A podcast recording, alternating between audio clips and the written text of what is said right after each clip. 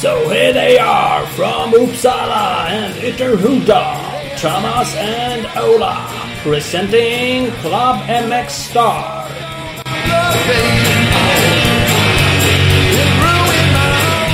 Ding, ding, ding! Club MX Star Podcast. Wow, wow, wow, wow, wow. Boom! Där har vi avsnitt 152. 16 i år. 16, det är Ja. det numret jag envisas med att åka runt Det med. är din, din uh, favoritnummer ju. Det är jag och Zacka Osborne. Yes! Eh, vi har ett uh, riktigt uh, fullmatat uh, avsnitt. Mm, lång, eh, långdragare. Så om man bara ska åka till ICA och handla och tänkte lyssna lite på oss så skit i det. Då lär du åka till ICA ja, långt bort. Långt bort eller Så testa ett nytt Ica, helt per dag. Mm. Ja. Vi ska hinna lyssna av det här. Nej, det här kommer bli en, en eh, smash hit hos folk som har lång, mycket tid att lyssna på oss. Mm, så är det faktiskt. Björne Stjernsten eh, ä- Yes. är med oss. Uh, världsmästare 1998 i enduro. Och Mm, mycket, Sug mycket på mer. Kan man ju lugnt Ja. säga att vi Exakt, så bearbetar i mycket mer som helst. Eh, så det är göttigt. Så vi ska alldeles strax rulla igång det bara. Men först ska vi tacka några av våra partners.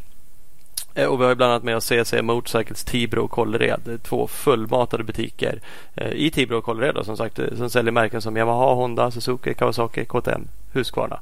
Det finns garanterat någonting för dig i de här butikerna. Följ dem också på sociala medier, Instagram och Facebook på CC Motorcycles. Precis. Och Opus Bilprovning har vi med oss som vanligt. Tre anledningar att välja Opus Bilprovning. Det är slippa vänta garantier, drop in för din bil, 100% klimatkompenserat. Läs mer om detta på www.opusbilprovning.se. Yes, så vi har skott och skottkollektionen 2021 är nu släppt och ser bättre ut än någonsin.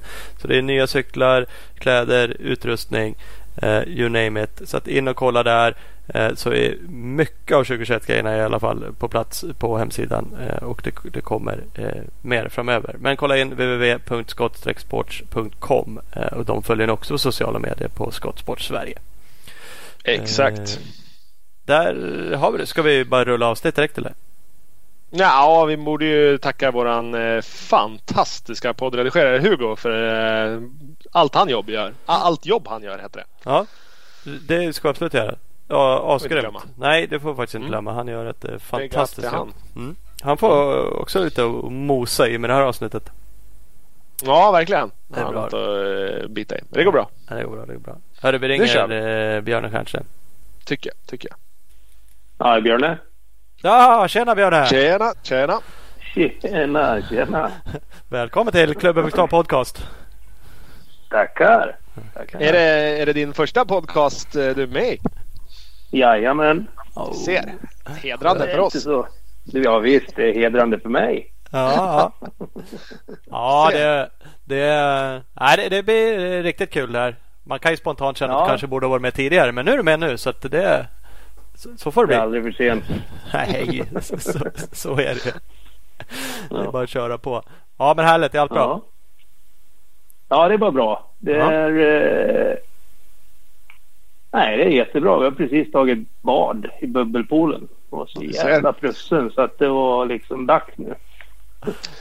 Mjuka Ja, upp lite. det, ja, det är fint.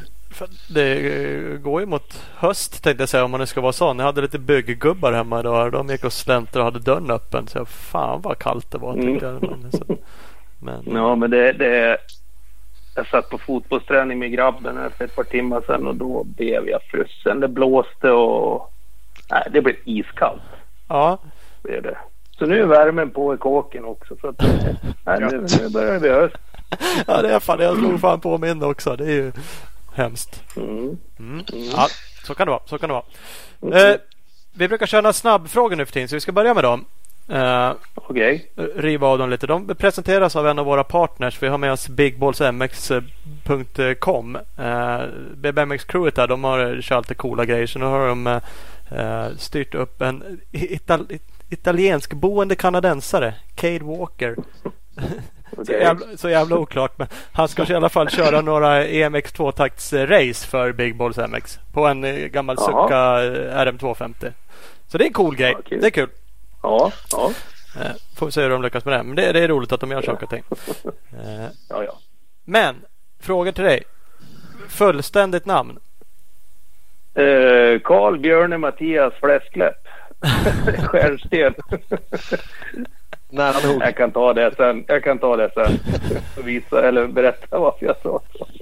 Carl Björne Mattias Stjärnsten. Jag heter tidigare Karlsson. Ja, jag tänkte nu ska vi köra snabbt. Men, men du har kvar på Facebook efter Karlsson, före detta Karlsson. Det var ju ett tag sedan du bytte. Ja, men det är ju det. Jag kom, Men- Jo, 2011 när vi gifte oss, jag och min fru. Ja. Då blev det namnbyte. Är det fortfarande folk som relaterar dig till Karlsson? Kanske framförallt i enduro-svängen eller? Ja, men det är det ju fortfarande absolut. Ja. Visst är det så. Eh, ålder? 45. Svingammal. Det är ju prima, prima ålder. Ja. Precis kom in i vuxenvärlden. Mm. Jag känner det. Eh, bor? Jag bor i Follkärna strax utanför Avesta. En liten by. Ja, vad kan det vara? 200 personer. Ungefär Ja. 10 minuter eh, från Avesta. Ja, du ser. Yes. Eh, uppväxt? I Horndal. Eh, och det är eh, Ja, det är ungefär 15 minuter härifrån. Eh, 2,5-3 mil från Avesta. Snett norrut. Nordost eller? Ja, men det är läng- längst ner i, i södra Dalarna är det. Och Horndal är ju, ja det är lite norrut från Avesta. Yes. Riksväg 68 mot Gävle. Det, Ser- till, ser. till och med jag satt och kollade på någon karta och konstaterade att det for iväg åt det hållet. Eh, Jajamän. familj? Ja, fru Jenny och två barn, Elsa och Oskar. De är 9 och 13. Jajamän. Ser. Mm. Sen Då- jag, morsan, farsan och brorsan också då. Ja, det är ett gäng. Ja. Mm. Eh, dold talang? Oj. Det är bra att spika. Alltså. Ja, jag är snabb att spika. Ja. Nej, det vet jag inte. Jag gick bygg i skolan och då, det var väl det enda jag lärde mig på, på i skoltiden. Det var att spika snabbt. Trä, träffa spikjäveln.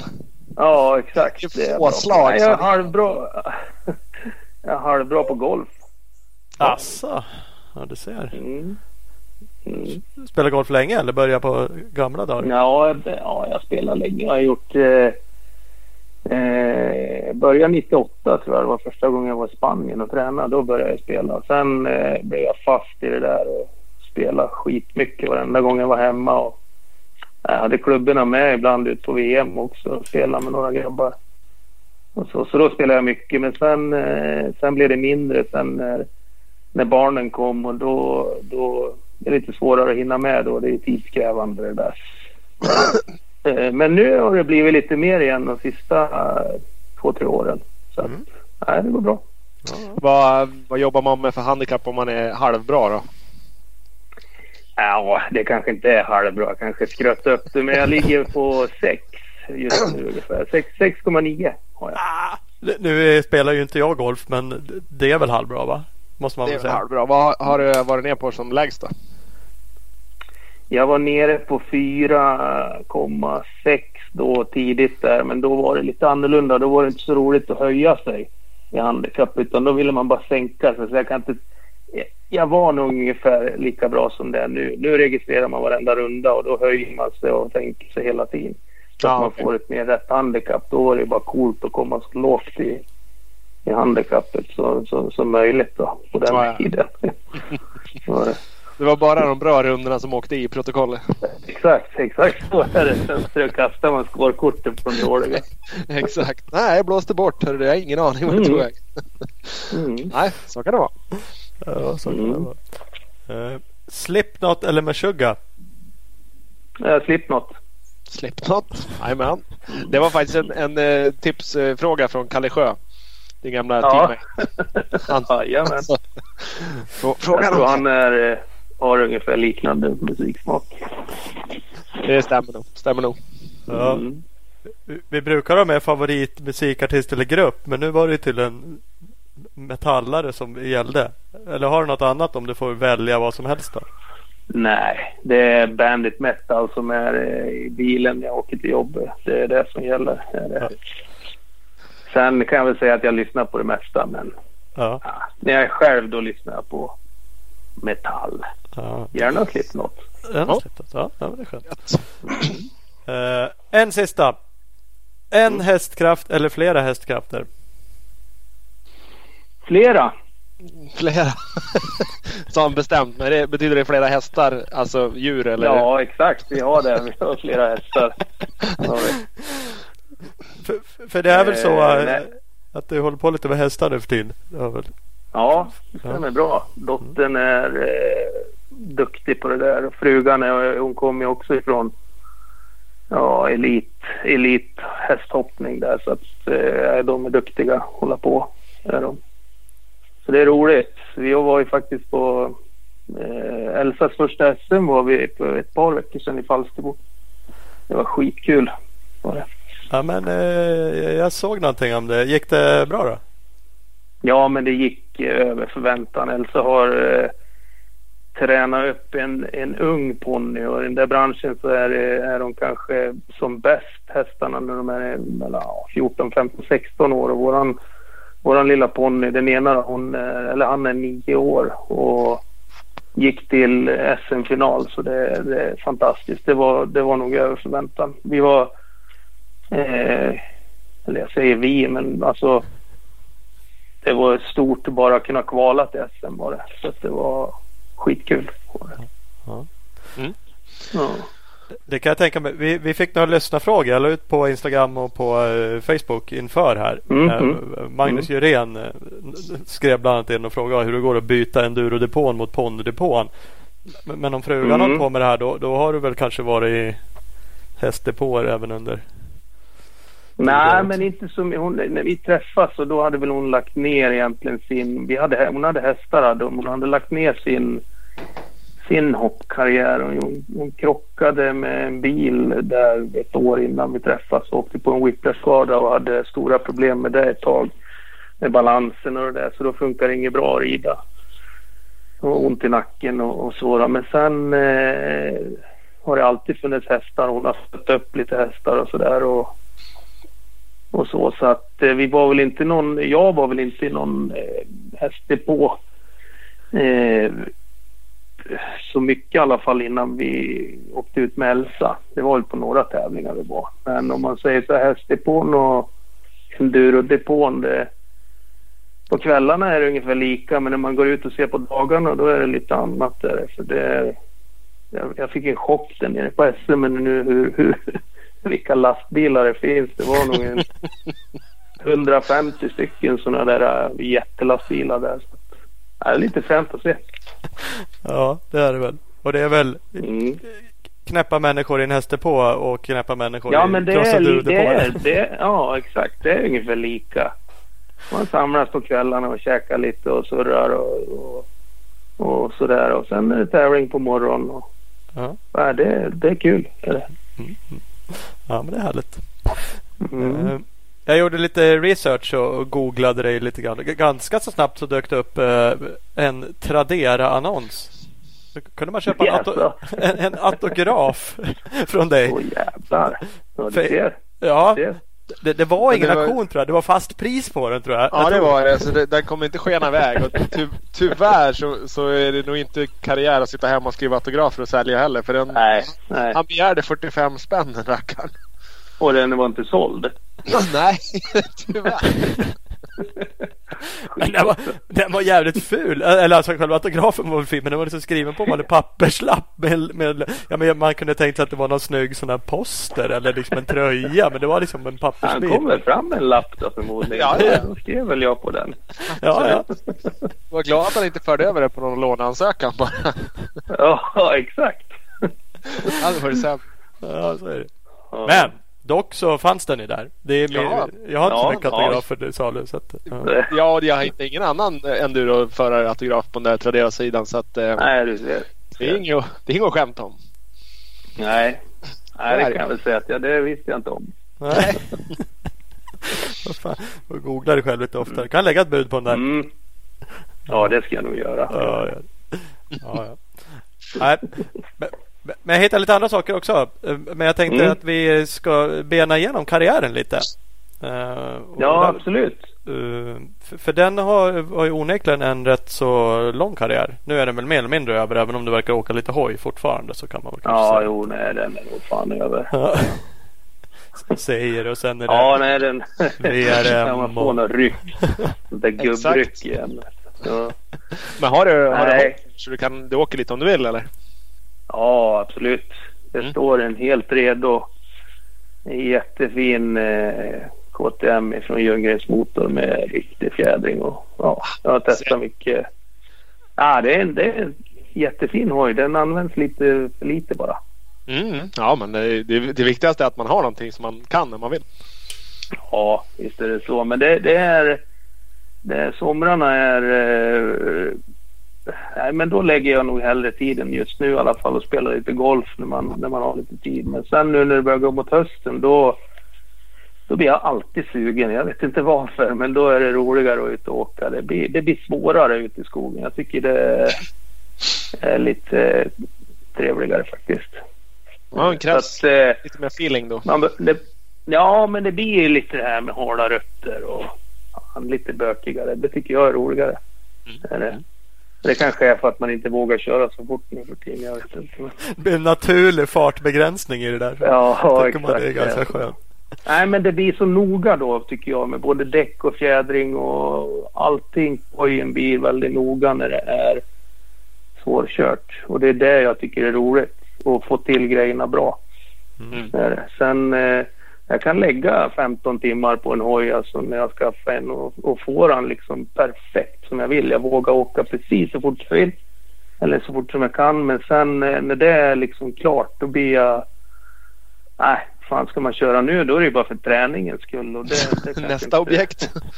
Ja, men lite, lite så har det varit faktiskt. Mm. Det är det.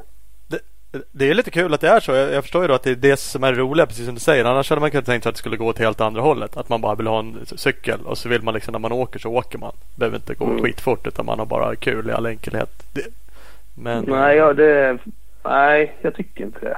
Nej. Det är liksom... Eh, jag, jag bara åka ut och åka för att det är roligt nu. Det, det kan inte. Jag måste ha ett mål. Eh, och målet kan vara då att få hojen bra eller fjädringen bra. Mm. Eh, nu när man inte har de här tävlingsmålen. För att jag tror att det har varit det som har varit drivande för mig också hela, hela tiden. Det är just eh, mål. Det är samma det här när jag har åkt öppet spår några år nu på i skidlängdskidor. Det har jag ju bara satt upp för att jag måste ha ett mål och jag vill klara det där under sex timmar. Har jag haft som mål och då, då har jag legat på och tränat också för det och då Ja, och så för inte, jag körde inte i fjol nu då, men eh, år innan, ja då körde jag ju på 5.37 och då blev det liksom, jaha, vad ska jag göra nu då? Ja, men det, då är det svårt att, att ladda om och försöka, för då kände jag så här, fan jag kommer aldrig kunna ta den här tiden så det är ingen idé. Jag, jag tränar på dem här. Nej. Nej, men det är nog lite så. Ja. Ja. Men eh, vi fick fram att, att karriären började 1980. Du var fem år då. Ja, det stämmer nog. Ja, det stämmer nog bra. Farsan, farsan var motorcykelintresserad från början och vi hade en liten eh, Suzuki RM50. Tror han heter. Han finns, fakt- det finns faktiskt kvar en sån fortfarande i farsans garage som går hur bra som helst. Alltså. All right. Ja. Och det är därifrån det kommer det där Carl Björn och Mattias fläskläpp. Ja.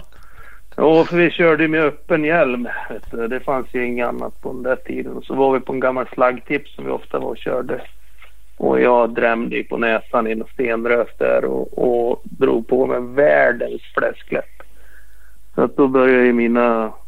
Ja, det var min storebrorsa som ville reta mig lite och hans polare, jag tror jag det var, som började kalla mig för Carl Björn och Mattias fläskläpp. Så därifrån kommer det. Ja. Det är onekligen kul. Ja, Speciellt att reta någon liten stackare som gjort illa sig. så är det. Ja, visst. Det är så. Så är det att vara lillebror. Ja, det är ju det. Värsta är att ibland Ja, så nej, jag var, sätter jag, sig jag sånt var där. nog jävlig mot Ann också tror jag. Det kanske inte var mer rätt. Ja, Ja. det, så tycker jag i alla fall. Helt. Det är ändå ganska tidigt. Alltså, det känns fem år. Nu hade var väl kanske ingen satsning men annars tenderar det till att eh, det blir tidigare och tidigare nu. Allting. Mm, Känns det mm, som i alla fall. mm. Men, men då kanske inte alla började när de var fem i alla fall. Nej, Och kunde ändå bli duktiga. men det var Ja, men det var väl det på lek hela tiden där och jag var nog närmare sex än fem då jag började. Det, det tror jag, men eh, nej, vi, hade, vi körde lite grann på någon, någon helg ibland och lite eh, hade lite skoj så där. Vi var ute i skogen på vintern så letade vi efter eh, där skogsmaskinerna hade varit då, så att det var lite skogstryck på spår. Skulle åka lite i och eh, höll på på den nivån var det. Mm. Så att eh, det var liksom inte... Eh, nej, det var ingen satsning på något cross eller något då. Så sen farsan då och hans polare gubben Sundberg där, de var ju liksom intresserade av enduro. Så vi åkte iväg och tittade på Novemberkåsan och, och det där. Och jag tror att jag var i Ockelbo faktiskt första kåsan och tittade. Så jag tror, nu kommer inte ihåg vilket, vilket år det var, men det var tidigt i alla fall. Jag kommer ihåg att jag klev ner ett kärr det första jag gjorde och blötte ner mig så jag fick sitta med foten vid, vid en brasa där. Men det var på en leknivå var det. Ja. Där från början där. Var det. Jag tävlade inte första... Eh, ja. Nej, nej. När blev det liksom seriöst då? Eller det, behöver inte första tävlingen Nej men vara. Men alltså liksom, seriöst. Ja men första tävlingen där. Vi, vi som sagt vi åkte och knallade på och körde lite crossbanor sen på, på somrarna och hade någon, hade lite äldre hojar och körde med och så helt plötsligt, jag var med i SVK Hofors Storvik. Vi tyckte den banan var lite bättre än Avestas bana då för det var, ja, den är svår i sanden då, Avesta. Men då var vi med där i alla fall och så var med på något träningsläger, hade en kava, 80 kubikare. Eh, jag tror att jag var, jag var 12 eller 13. Och så helt plötsligt så sa de, "Vad fan du vara med och tävla. Det är, det är en tävling här eh, två veckor. Ja okej då. Så det var ju, eh, ja det var ju bara att åka dit och problemet var ju att eh, vi var ju och tränade på våran lilla hemmabana, en liten skogsbana och körde jag ju sönder tvåans eh, drev, växellådan bara några dagar innan där så att ja det var vi kört där då tänkte jag men farsan han slet isär motorn slipa av alla kuggar på tvåans drev växellådan och kasta ihop skiten och så sa han att du nu är det fan i att växla till tvåan någon gång för där finns det ingen växel. Du får starta på trean sa. Jaha, så, jag- så vi åkte väl dit den där eh, tävlingen och då, då blev man ju lite nervös när det var eh, över 60 stycken 80 kubikare med där. Då. ja. Och så då, men eh, nej det gick bra. Jag vann tävlingen så att då det gick ju skitbra då faktiskt. Det. Körde om han på sista varvet. Han killen som ledde och jag, jag kommer ihåg att han var så jädra cool vet du. Han hade ju en stor buss och så två stycken sprillans nya Suzuki-hojar under, under tältet där vet du. Och, äh, fan, där kommer jag en Collex-tröja och öppen crosshjälm med sån här bandy bandyskydd för munnen. och så körde jag från då. Så att det, det var väl lite roligt faktiskt. Utan alla växlar. Bara, äh. Ja, ja, det, ja jag hade varit, det var tvåans växel var borta då. Så jag hade faktiskt skaffat större bakdrev så han var lite starkare så det gick att starta på trean. Ja. Ja. Åh. Men ändå. Nej, det var coolt. Ja. Ja, det var coolt var det. Sen körde jag eh, Eh, jag blev rätt så lång där tidigt så att vi köpte en 125 när jag var, när jag var 14. Och eh, skulle väl också köra några crosstävlingar där. Jag körde några som jag tror det hette, eh, det var väl någon NND, Nedre Norra. Där, men då fick man ju vara med de stora grabbarna direkt och då tyckte jag det blev jobbigt där. Jag var 14 år och, och stå bredvid Bosse Högberg och de där och köra. Det var inte så fränt tyckte jag. Nej. Jag blev skraj. Jag blev skraj. Jag jag vurpade någon gång i någon start där. Jag körde inte med kanske en fyra, fem crosstävlingar hela mitt, min, ja, min ungdom, barndom där.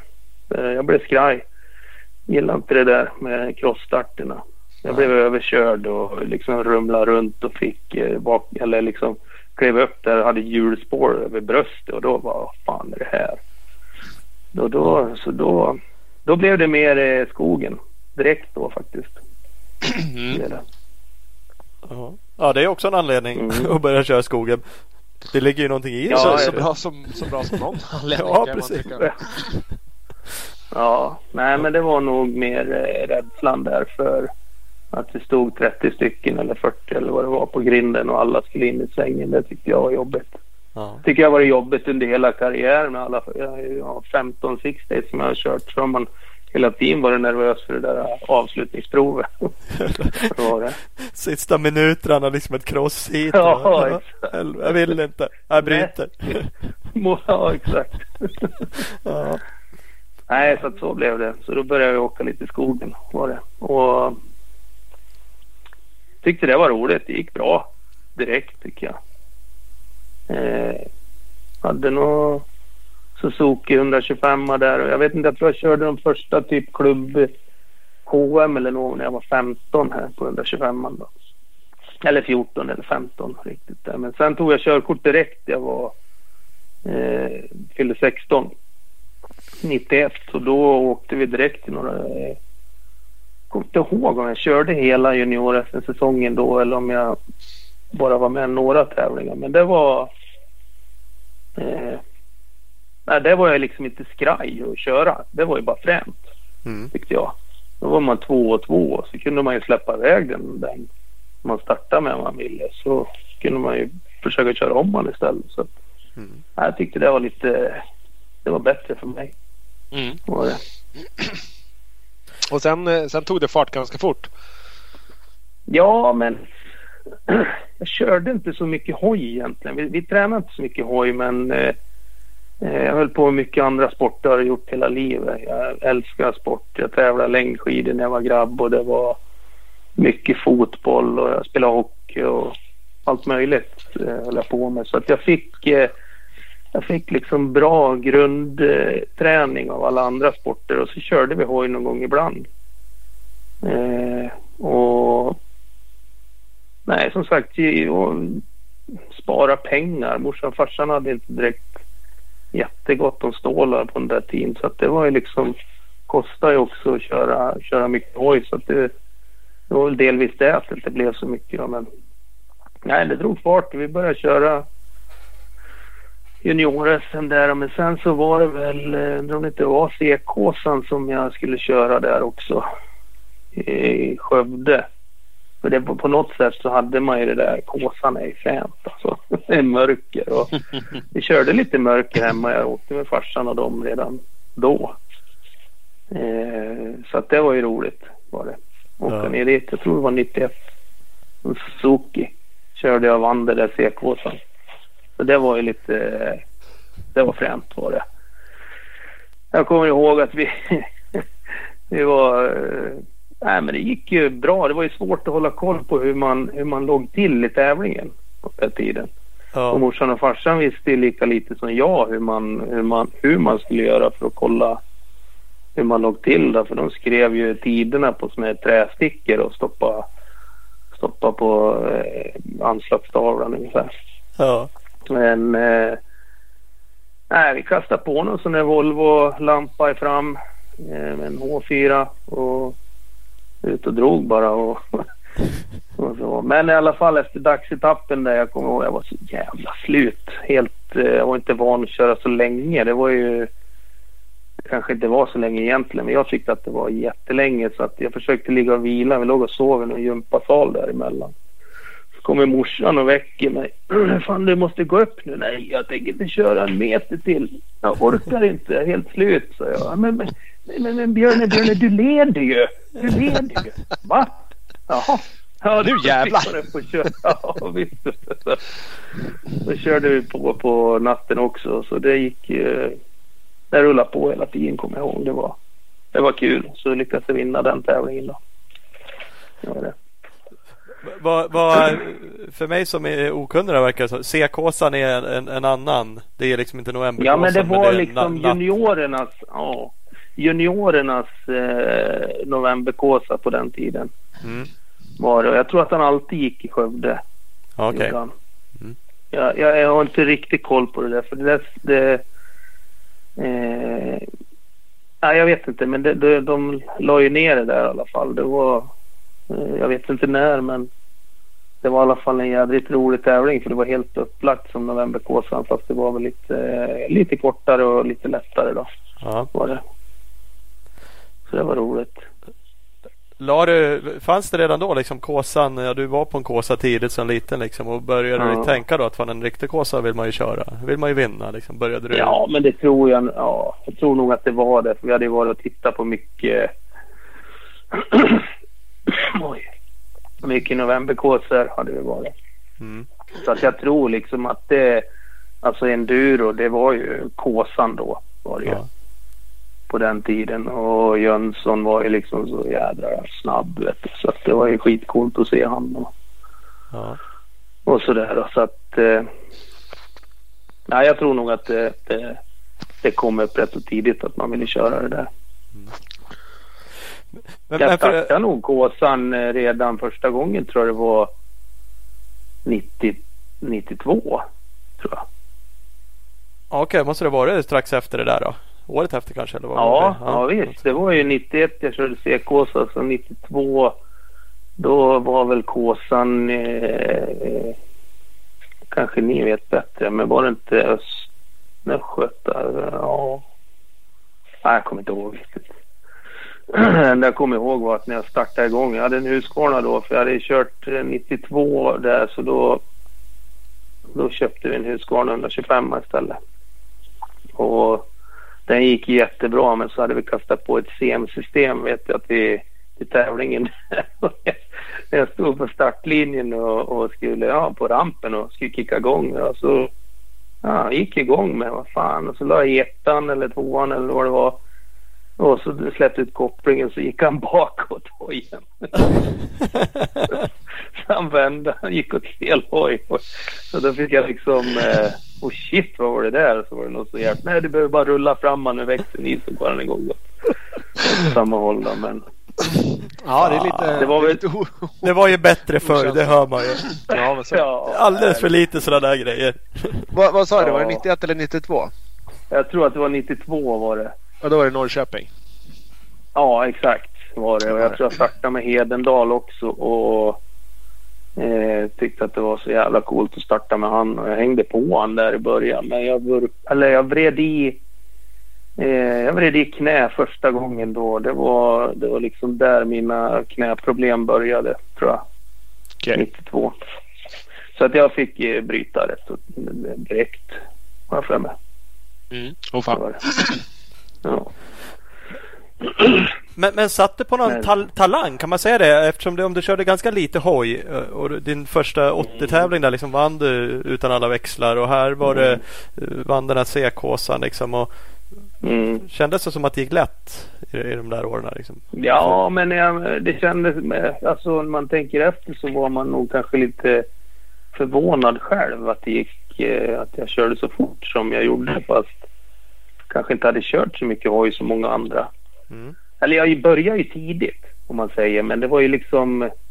Det var ju bara lek. Allting var lek. Men vi höll på att cykla jädrigt mycket med BMXer och det var cross eh, liksom med dem och allt sånt där. Så att hela tiden det här med två hjul har ju varit Mm. var det liksom med hela tiden. Det var ju samma när jag var moppe, trimmade moppar och åka på bakhjulen med dem. Och jag jagade och snuten och liksom köra från dem. Allt det där var ju liksom bara fränt då. Ja. Var det. Så att jag vet inte. Jag, det känns inte som jag körde så mycket hoj i alla fall. Men eh, det, ja, det kanske var så ändå att jag körde mer än vad jag tror. Men jag, jag, det var inte mycket tävlingar i alla fall. Var det inte. Nej. Det var inte. För sen hittade vi lite... Nej, kör Ola. Ja, nej, nej, kör det. Kör det. Nej, nej men jag, tänkte, jag hoppar vidare egentligen till, till året efter. Mm. Då är vi på eh, 93. eh, Och då börjar vi konstatera Mm. om man eh, söker lite. Vi hittade ju för övrigt en, en sida som du har drivit runt. Den var ju rätt bra. Ja, det, det, ja, just det. Ja, ja, ja, ja. Det är faktiskt min kusin som gjorde det där. Ja. Han tycker det är roligt med, eller tyckte då i alla fall. Så att ja. Han bara, kolla här vad jag har gjort. Jaha. Och så sen så höll han på eh, ja, och la in lite nya bilder och sånt där under ett tag på det där. Så det var skitkul var det. Ja, det ja. finns ju mycket bilder kvar faktiskt såg jag. Ja, visst. Nu, nu Koppe, han har, ja, han har skrivit då, han kallar sig för Vitamin, så det är väl kusinvitamin då? Ja, ja, det är kusinvitamin. Är ja. ja, det ser du. Ja, men det, det är skitroligt när man just gör sådana här research-grejerna. Ibland är det helt svårt att hitta grejer och, och där dök det ja. upp mycket och ganska lång tid tillbaka. Vad sa du Ola? Du hade kollat varifrån? Ja, ända tillbaka till 2009, nej 10. 10 november någonting. Nej, ja. 9 november. 9 november var det nog. Till 16 mm. eller något sånt där ganska regelbundet med, ja. grejer, med, bilder och text ja. och resultat och, och sådär. Det var ja. skitkul. Nej men han var duktig på det där och han fick bra kontakt med alla de där killarna som är ute och fotar på, på tävlingarna och sådär. Så att de eh, delar med sig bilderna direkt där. Och, mm. nej, det var jättekul var det.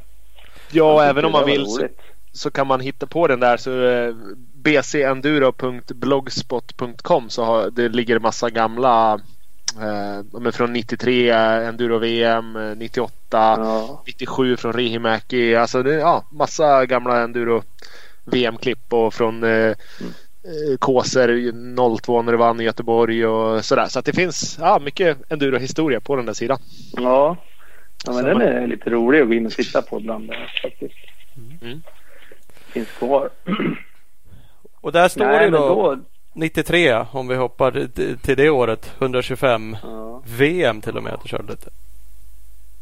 Ja det var ju, jo det var ju en VM-tävling då. Jag hade ju kört junior-SM 92. Jag blev tvåa i det tror jag.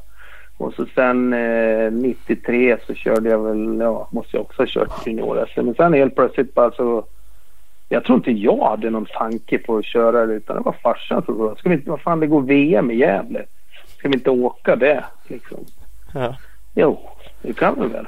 Då kan vi ju käka på Max efteråt sa jag. För det var enda ställe i Sverige som fanns Max. Det är ju perfekt ju. Ja, exakt. Det var ju skitcoolt. Så att, eh, men då hade jag, då hade jag liksom då hade det börjat gått lite fortare i skogen märkte jag för jag körde ju punka hela tiden då. Med slang i däcken så att då, fan, då lär vi ju köpa mossar och, och stoppa i däcken. Så att jag höll på i, i typ eh, åtta timmar där på, på ja, kvällen innan eller om det var två kvällar innan och försöka få på och få i det där mossan. Alltså. Var ett rent helvete var det. Vad är det för Jag kunde skit? ingenting. Jag fattade ingenting av det där så att eh, Nej, vi krängde ordningen där, men sen så fick vi reda på att det är besiktning eh, kvällen innan. Eh, jaha, vad fan, så att då är vi tvungna att bränna dit. Så att eh, vi kom till torget i Gävle fem i sex där på, på kvällen och de stängde ju klockan sex. Och då eh, var det så här, jaha, sen ska jag med sig, ska ju bara tuta på och sådana där grejer. Det hade man ingen aning om och hastighetsmätare och det hade inte jag med mig. Men det, äh, de skickade igenom mig där ändå, gjorde de på något sätt. Så, så träffade jag ju på lite av, eh, ja, med mina polare där liksom. Som, Jaha, ska du köra? Vad fan har du varit här? Var du hemma? Ja, vadå hur länge har ni varit här? Där? Vi har varit här typ sen i tisdags, onsdags sen och vi har ju gått proven. Jaha, ska man gå prov för det här? Ja. Nej, fan, jag har ju kört på crossbanan i Gävle förut så att det... det gick det. Ja. Så att... Eh, Nej men vi åkte på vägen hem då så passerade vi Rörberg heter den där jävla crossbanan där och jag sprang ut och tittade lite där. Ja, men där har jag kört förut. Det går åt andra hållet bara men det är lugnt. Och så sen åkte vi hem och så åkte jag dit på morgonen igen då och körde. Men då var de ju schyssta där i eftersom de visste att vi hade ingen koll på någonting så jag kommer ihåg eh, så väl eh, Kentas, eh, Nina och alla runt, eh, alla runt omkring den där eh, VM-cirkusen där hjälpte till. Och liksom, så jag fick ju vara med dem och serva och, och så där. Och det enda de hade sagt åt morsan var ungefär, ja men stek pannkaka bara så löser vi resten. ja. Så hon stod och stekte pannkaka kvällen innan. Och vi åkte dit och körde och det gick ju faktiskt rätt så bra gjorde det. det Eh, tydligen så ledde jag ju båda dagarna, eller ja, båda dagarna fram till sista, sista provet. Eh, och Eh, då blev jag frånkörd av en spanjor ute på, det var ett prov ute i hamnen där. Det var massa rullsten och ja, uppbyggt prov liksom. Skitsvårt. Väldigt ovan. Jag hade aldrig kört något liknande så jag körde lite sämre på det. Jag körde inte dåligt men lite sämre så att jag tror han vann så här första dagen med två sekunder och andra dagen med fem sekunder totalt. Så att jag blev tvåa båda dagarna där. och spöade ju alla andra. Och typ hade blivit typ ja, sexa, sju, åtta eller något sånt där i VM-klassen då. För det här var ju i EM-klassen då som var, ja men det var juniorernas klass då. Ja. Var det så att eh, det var ju rätt så fränt faktiskt och lika där med Ja, jag hade ju mos i, i däcken där så att man kom in och kom in på och skulle kränga däck där så jaha, vad fan är det för dem och kränger däck men när Nej, vi får tanka min hoj så kör jag innan det blir pål. Har vi åtta det- timmar på oss det- eller? Det- ja, exakt. Nej, det där rör inte jag. Nej, vi hade ju inget däck heller. Liksom. Vi hade ju fått tag på några filmdäck någonstans nej, jag vet inte hur vi gjorde. Men. Eh, jag krängde i alla fall inget däck heller och det, det gick ju bra ändå. Det var, det var, nej, det var roligt. Var det. Och då kommer, Mm. då kommer Pernan där efter tävlingen för han, hade ju, han var ju landslags eller juniorkapten då var han ju. Eh, För den tiden och han kommer fram så här och vad fan kom du ifrån? Fan, Jag har ju tagit ut sixtayslaget redan nu. Vad fan? Vi kör ifrån varenda en. Vi skämmas här nu. Ja, ja. Så här. Nej men nu, det här lär vi börja kolla på sen så att de, eh, de skickar ju på oss lite respengar så att du måste åka till Finland nästa helg sa han. Jaha. Men vi har ju liksom ingen, ingen hade ju ingenting. Vi hade ju inget Jag hinner inte kränga däck för fan. inget däck. Ja, visst. Det fick jag säkert hjälp med. Jag kommer inte ihåg vad jag gjorde. Men vi packade i alla fall in grejerna i den där Toyota Hiacen och, och åkte dit. Gjorde vi. Så att... Eh, så de skulle... Ja, de ville ju kolla en gång till vad, om jag kunde köra hoj. Liksom, om det var någon lyckoträff eller något sånt där. Ja. Så att... Eh, och det var ju också ett eh, minne för livet nästan. Det var ju första gången som jag, jag kanske pratade med Jönsson då. då var det. Vi kom dit i depån och ja, vi, vi ställde ju upp eh, den svarta gamla Toyota Hiacen, rullade ut hojen. Eh, slog upp tältet utanför. Eh, och liksom började skruva lite med hojen då. Och så här, då kom ju Jönsson dit och, och, liksom, och så tar han tag i min hoj och ja, börjar kolla på honom och så här. Och så börjar han liksom känna på framgaffeln så här. Så bara, fan ska du köra med den här byrålådan? och jag ja, ja. Vad då? då? Vad ska jag Ja, så göra? att snacka, ja, visst, snacka om att man liksom bara, "Åh, nej men jag kör med en byrålåda till framgaffeln jag då, men ja, så var det. Ja. Och det gick Ja. rätt så bra där också. Eh, jag tror jag blev sexa och trea. Var jag. Det var lite annorlunda där. Jag har för mig det var tuffare specialprov och, och lite svårare. Liksom lite eh, som det var i Finland ofta obanat terräng och bara mosa rätt ut i skogen. Så att, men det gick bra ändå då, som sagt. Jag tror jag vurpade några gånger för mycket då, den dagen jag blev sexa. Och när jag blev trea så gick det, ja, då flöt det på mycket bättre där. Var det. Mm. Ja. Mm. Jag, jag hittade något Youtube-klipp från 93. Det tror jag i och för sig inte var från Finland. Då var du med i Ja. fyra sekunder när du kommer och fladdrar till i något spår och far rakt ut i skogen. Ja, ja, ja, ja, ja. Det, det kommer jag, det, ja, ja, det kommer jag ihåg. Eh, jag har sett det själv har jag gjort. Jag blev helt chockad när jag såg det. Det var ett par år sedan. Vad fan fanns det där med liksom? jag höll Nej, men det var ju liksom som en gammal... Jag för mig det var som en gammal traktorväg nästan och så var det ett spår i mitten som man låg och drog i. Nästan som ett snöspår fast eh, inte så djupt då. Och eh, ja, det kändes, jag kommer nästan ihåg att fan här kör man ju över sin förmåga nästan. Det var ju, man var inte van att dra så hårt på Nej. sträckorna som, eller på proven som man gjorde där. Och så, sen så vek sig styret bara så jag blåste ju rätt ut i, i skogen. Men jag tror inte vurpa heller. Ja, det ser ut som att det bara liksom bara börjar fara ut där och så börjar det rulla Ja, tillbaka. framhjulet bara viker sig och jag bara blåser rätt ut. Fan 90 grader till höger nästan och sen får jag backa ut hojen tror jag. Det var in bland granarna där. Så att, eh, ja, jo då, men det kommer jag ihåg. Det är perfekt när man, det är det som blir med liksom. Där stod de och filmade. Och jag är en jävla Ja. grej. Och så bara, ja. Ja, exakt. Nej, det var roligt var det. Och då efter det alltså då, eh, då blev jag uttagen i, i, eller det var väl inte precis då men lite, jag kommer inte ihåg men jag blev i alla fall uttagen att köra Six Days i Holland 93. Och då, eh, då började väl vi fundera på det att fan det, det kanske inte är något roligt att åka en 125 där nere. Då måste du nog byta kolv och grejer under Sixten. Eller under, under dagarna där. Och det, det kanske inte jag var så high på då. Eh, så att eh, jag för mig farsan fråga Thomas Gustafsson då faktiskt om inte kunde få köpa en, en billig hoj då. Och han hade väl också fått upp ögonen lite för mig då. då så att det fick, eh, fick jag göra då. Kommer ihåg att jag fick eh, låna Kentas eh, VM-hoj, prova och testa och köra och sådär. Så att det var eh, det var första Husabergan då, då var det. 93 i Holland. Det gick jävligt bra direkt på den hojen för mig att köra var det. Men eh, själva 60 blev för, för tufft. Det var ju nollgradigt typ på morgnarna och spöregn.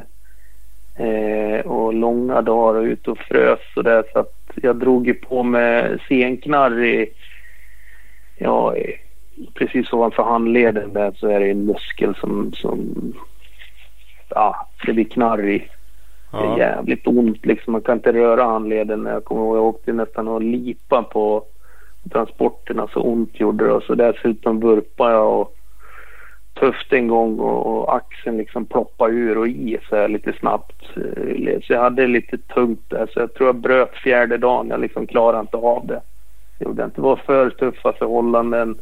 Eh, komma från att köra inte så mycket hoj. Alltså relativt bra kondition hade jag ju men kanske för lite hojåkning i kroppen för att klara det där Mm. då. Eh, och just under de där förhållandena då, då så att eh, då fick jag bryta fjärde dagen tror jag det var. Så att det var väl eh, nej, det var väl inget roligt men det fanns inget, fanns inget att göra. Jag klarade inte av det då. Det var inte. Körde fort gjorde jag, eller fort, jag, jag var nöjd med de dagarna. Jag var nog liksom, var nog femma så där i 350 klassen någon dag där och, och så innan tror jag. Så att det gick bra själva körningen gjorde det. Jo, men det gäller ju att, ja, att hålla ihop. Men vadå, som sagt. Första gången Ja, saker och ting är är svårt det. för alla. Så är det liksom. Och det där är ju väldigt Ja. speciellt.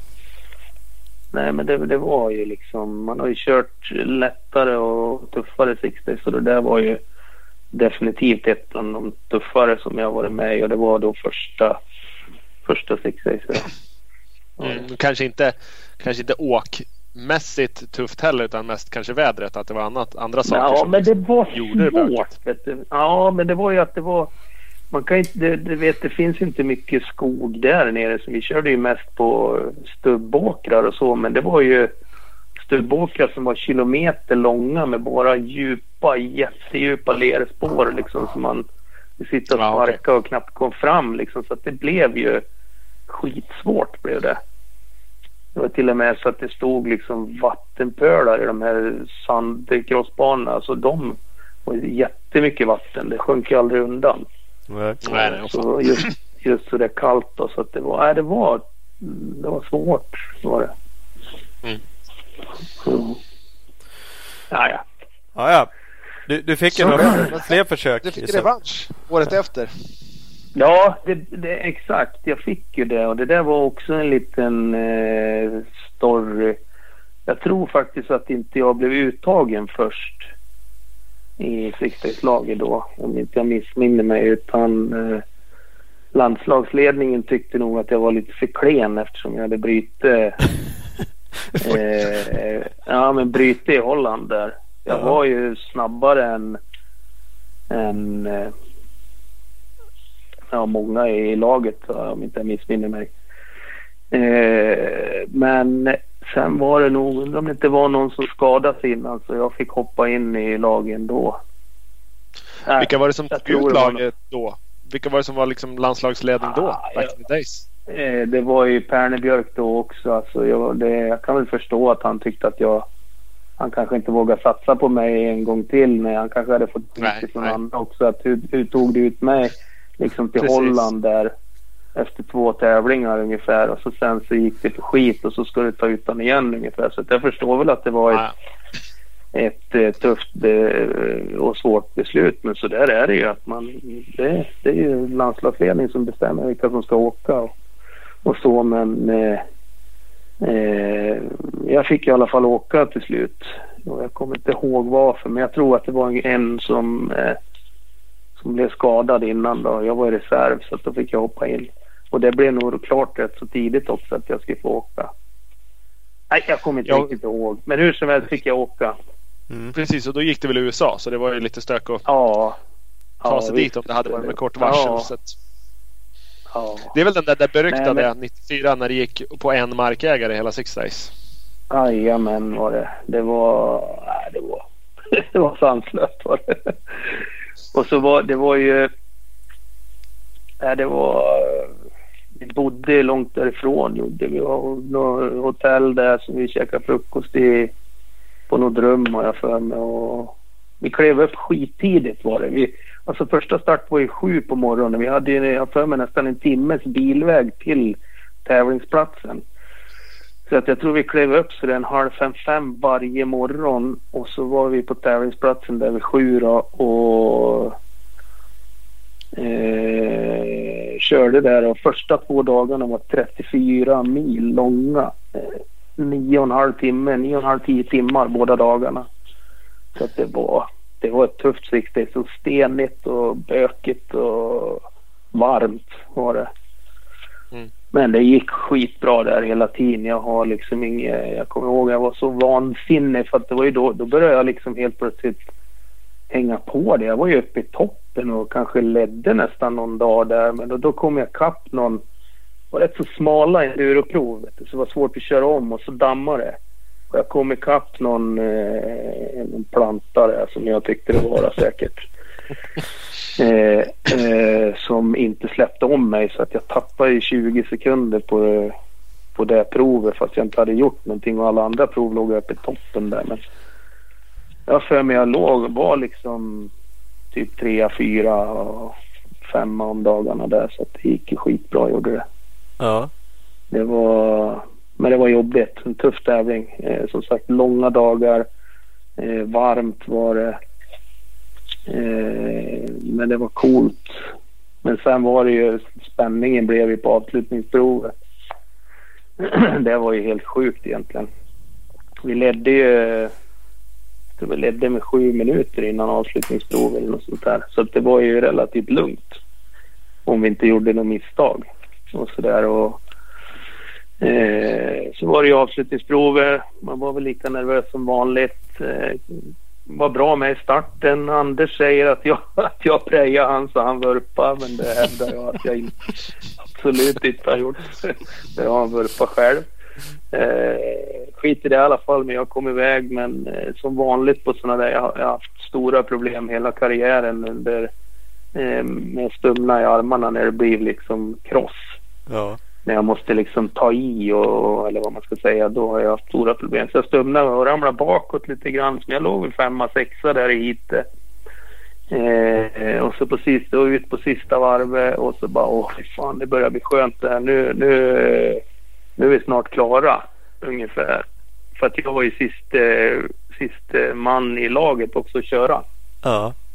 De andra hade ju kört klart deras hit då, men då, då blåser jag ju en ventil vet du, på hojen så hojen bara och stannar.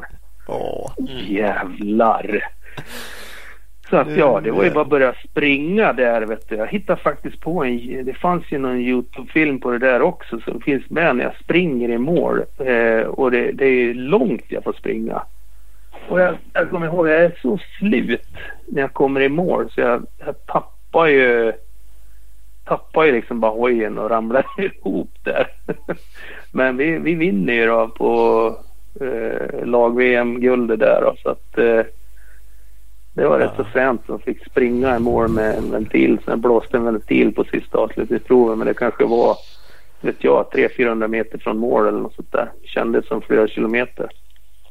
Ja, vad fan. Men, eh, en cykel är ja. ju inte sådär jättekul att rulla ens på planmark. Och om det då var något form Nej. av eh, terrängcrossbana så är det fan inte så Och- lätt. Nej, nu var det ju tur att det inte var någon sandbana. Då hade det inte gått. Det var ju ett, ett gräsgärde var det ju. Ja. Eh, som, eller var fantastiskt. Bland det finaste gräsbanor jag åkt på. Så här kulligt och backar upp och ner och naturhopp och... Nej, det var så fränt så var det. Ja. Men eh, jag fick rulla mål då. Springa med hojen i mål och, och kommer ihåg att pulsen gick inte ner. En timme efteråt så hade jag fortfarande 170 i puls för mig. Liksom jag hade tagit ut mig så in i helvete så att det... Det... Ja, det var, det var tufft var det. Men det var ju fränt. Var det. Ja men det var ju verkligen revansch. Då vek du i alla fall inte ner utan då, då kämpade du Nej, och det blev... så, Ja. att, så att ni vann liksom. Ja, exakt. Så det var... Nej, men det, så kändes det ju för mig också faktiskt. Gjorde att här, här, här... Ja, men som sagt, jag vek, vek inte ner mig. Det var... Körde bra varenda dag, var uppe i toppen. Fightas med Anders och Jösse och Rinaldi och Niccoli och de där varje dag. Eh, och... Nej, så det var, det var roligt. Var det. Ja, men det. Annars de där åren, för kollar vi det vi lyckats forska fram då. 94 som sagt Six Days eh, guld. Men annars 94, 95, Mm. 96 eh, var det lite halvblankt på det, det vi hittade. Ja, 94 där körde jag. Det var ju liksom VM-säsongen där. Då åkte jag ut med första VM-tävling själv. Liksom. Och jag och Olle Forsell, vi satt oss och blåste till Spanien första Ford Transit. Och, och drog ner 30 mil söder om Barcelona där. Två snorungar ute på vift. Ja. körde, men jag körde... Eh, tanken var att jag skulle köra hela VM-säsongen men jag blev, eh, jag- jag blev sjuk i Finland. Eh, med feber och, och sådär så att då, då körde jag inte och då struntade jag i de sista om det var en eller två tävlingar som jag struntade i på slutet och sparade pengar egentligen. Mm. Var det. Men 95 körde jag ju hela säsongen. Eh, det var ju, då började det ju gå bra men jag rasade, jag rasade en del motorer gjorde jag. Eh, vipparmarna gick av har jag för mig. Eh, men det var ju då sista tävlingen där som, som eh, Anders, Anders lyckades ju vinna då VM och det var ju när jag körde ifrån eh, Ja, det var ju en riktig grej. Där Anders, led, eller Anders var ju tvungen att vinna. Eh, sen var det tvungen att vara en kille var tvungen att vara tvåa och Rinaldo var tvungen att bli bäst trea för att Anders skulle vinna VM-guld. Och inför sista provet så ledde ju Anders och Rinaldo var tvåa och jag var trea så att då kom ju Thomas fram till mig och sa så här att du fixar du det här nu då, då ska jag fixa ett jävligt billig hoj åt dig, sa han. Så att, eh, nej men det var ju liksom bara ladda järnet fullt man hade och, och hoppas på det bästa. Och när jag kom in där så var det ju, då hade jag ju kört så jädra bra på det här provet så att eh, jag höll ju på att spöa Anders och liksom hoppa upp och vinna tävlingen. Förstörde och med. Ja, då hade det kunnat gå åt helvete men det var, blev ju precis, jag tror Anders Anders vann ju tävlingen och jag var bara någon sekund efter och så Rinaldi blev trea och då, då, Då fick jag köpa en billig hoj åt Thomas sen fick jag göra. Ja. Trevligt. Var det, så att, trevligt. nej men då blev jag, jag, jag blev femma i VM då. Men jag kanske var fel. Jag, jag kommer inte ihåg. Nej, men det, för, för när, vad åkte du på då? Åkte du på Husaberg då också? Ja, Sen- jag åkte Husaberg. Jag har gjort sedan 93. Ja, det, det gjorde du sen du liksom fick, eh, fick köpa en, en, en till bra pris där till det lag Ja, Eller ja, 60. men jag hade redan fått lite, jag fick lite hjälp av Thomas då med billiga hojar och, och fick en del reservdelar och så fick jag hjälpen av dem liksom med, med, ja, med allt som, som behövdes liksom. Mm. Så att det var väl inte direkt något betalt men det började liksom få rulla runt så att det inte kostade så, så mycket. Ja. Jag fick lite respengar av VM och, och, eh, och Thomas hjälpte till med grejer. Och. Men sen det, det, det var ju tomt där just där 95. Jag slet ju på... Då hade jag blivit uttagen i att köra stora landslaget första gången. Då. I Polen skulle vi åka six days. Men jag slet ju av korsbandet på en fotbollsmatch. Gjorde jag höll ju på att spela fotboll aktivt ända fram till, till 95 där också. Då. Gjorde jag. Men i augusti eller vad det var då, så slet jag av korsbandet på division 5-match i fotboll så att jag gillar väl inte riktigt eh, motorcykeltillverkarna. Nej, att, det är ju eh, livsfarligt att spela fotboll. Så är det ja, exakt. Så att det blev rehabilitering då. Det var jag opererade med opererade med Linköping, Janne Ekstrand där, professorn. Opererade mig och på, det var på dagen sex månader till att vi skulle starta VM 96. Då, då opererade jag mig. Så att jag hade ju sex månader på mig. Och korsbandet tar ju minst sex månader så att eh, äh, rehabbade rätt så bra gjorde jag det gick bra. Och efter fyra och en halv månad så var jag nere och, och, och testade knära hos han och då hade jag fått upp 90 procent av styrkan i, i låret mot mitt andra lår. Och då fick jag godkänt av, eh, av läkaren där nere och, och ja men du kan få börja köra hoj nu liksom. Nu, nu får du börja köra hoj. Så att då började jag köra hoj. Jag hade inte kört någonting innan. Eh, kommer ner, vi hade träningsläger nere i Spanien, var med på det. Det gick bra direkt det. gick, jag hade farten i, i kroppen och, och sådär. Och så första VM-tävlingen i Portugal. Första provet. Eh, eh, så kom jag kapp en kille vid ett dubbelhopp. Då, eh, jag tänker hoppa men han fegar ur och kör ner, kör ner då. Eh, liksom och svänger åt sidan så att jag kommer i full fart och ska hoppa och han jag krokar i med han så att jag liksom tappar balansen i luften och är tvungen att fota ner när jag landar. Ja. Och känner ju direkt att eh, det var ju kört med knä. Var det, ju. fast det var andra knä. Var det. Så att, eh, på dagen sex månader efter att jag opererade första korsbandet så slet jag korsbandet i andra knä. Ah. Och då kom jag in, jag kom in på eh, i mål på det provet och Thomas var ju eld och lågor för jag hade ju vunnit proven då. Ja. Hade jag, så att, eh, jag körde ett VM-prov 96 och det vann jag men sen fick jag flyga hem. fick jag, så att då opererade jag andra korsband och då var det då, det var det var lite jobbigt faktiskt att börja tappa sugen för att eh, landstinget hjälpte inte till och Ja, där var det liksom så lång väntetid och jag fick inte operera mig. Så första korsbandet där. Eh, eh, ja, men det betalade jag. Jag kommer ihåg att jag betalade 30 000 eller vad fan då. Då var det operera. Så sen skulle jag försöka få fram pengar igen då för att operera. Det var ju Janne Ekstrand där. Han var ju fotbollslandslagets läkare och hade opererat alla de där äh, höjdarna eller duktiga idrottsmännen som har gjort illa för oss. Så att, eh, jag tror faktiskt eh, Svensk Enduro Supporterklubb gick in och stöttade där och, och hjälpte mig med andra operationer. Var det så att jag kom in och, och fick operera med, eh, rätt så tidigt där, 96 också. Då. Så att det är nog därför det är tomt i, i det. Jag missade ju Six Days 95, jag missade hela VM 96 och Six Days 96 då. Så att den första tävlingen egentligen jag körde 96 det var Kåsan i Uppsala där.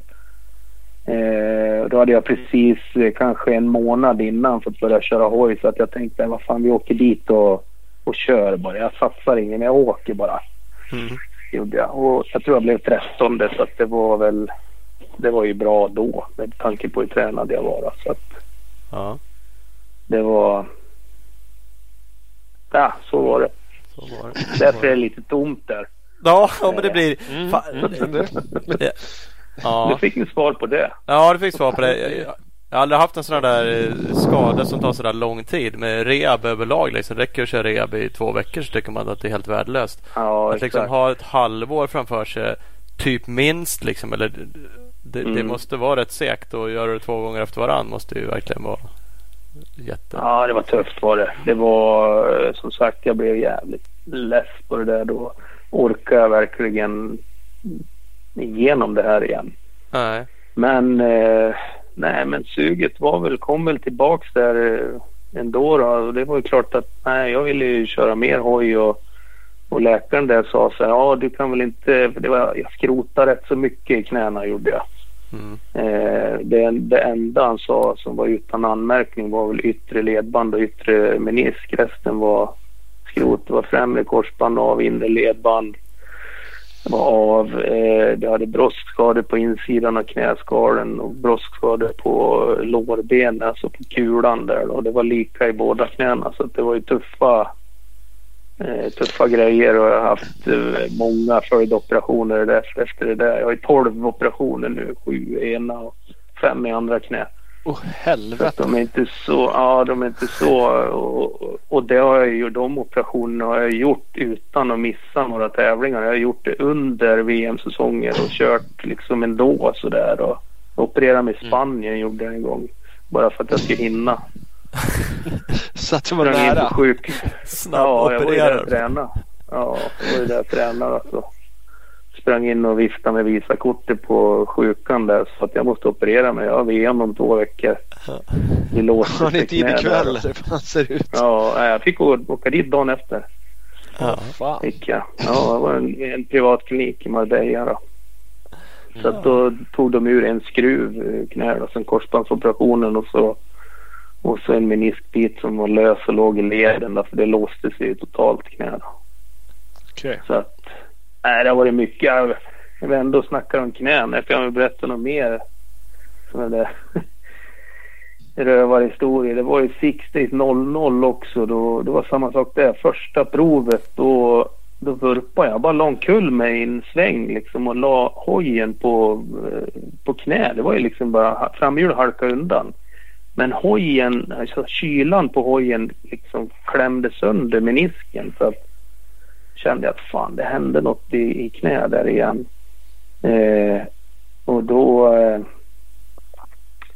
jag fick ju köra hela veckan med och, och, och knä låste sig så jag fick stanna på transporterna, kliva av hojen och hålla på liksom och pilla in menisken i, i leden igen så att det inte låste sig sådär.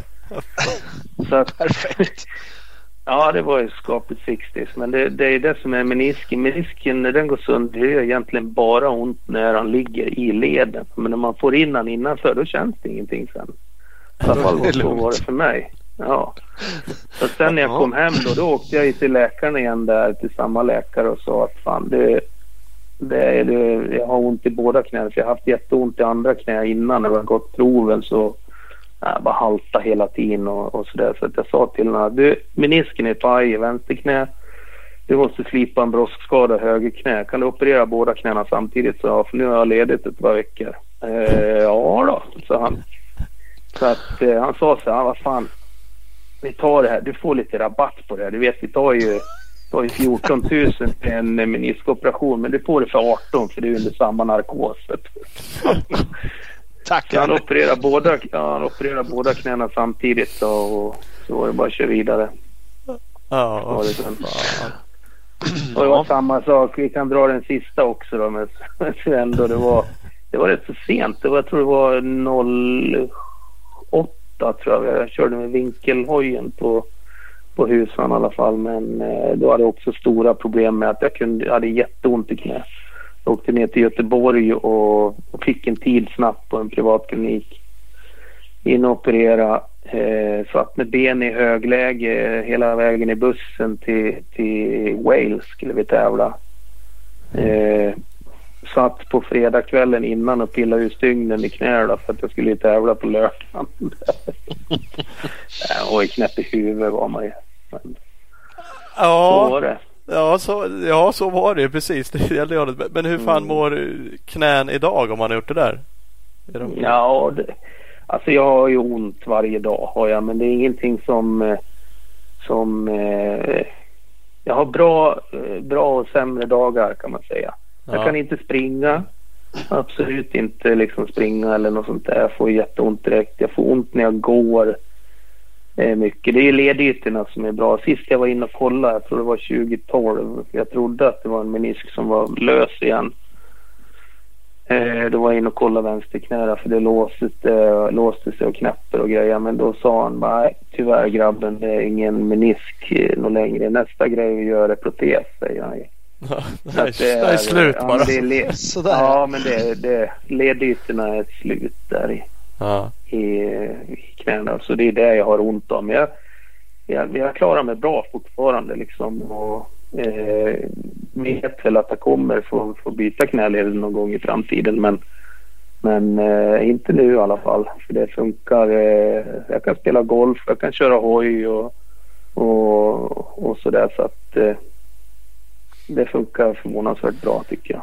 Ja. Du, du går inte runt Eh. dagligen och ångrar att du satt och pillade ur stygn liksom innan ett... Nej, nej, nej, nej. Det, det visste jag redan från början. Han sa det redan första operation 95.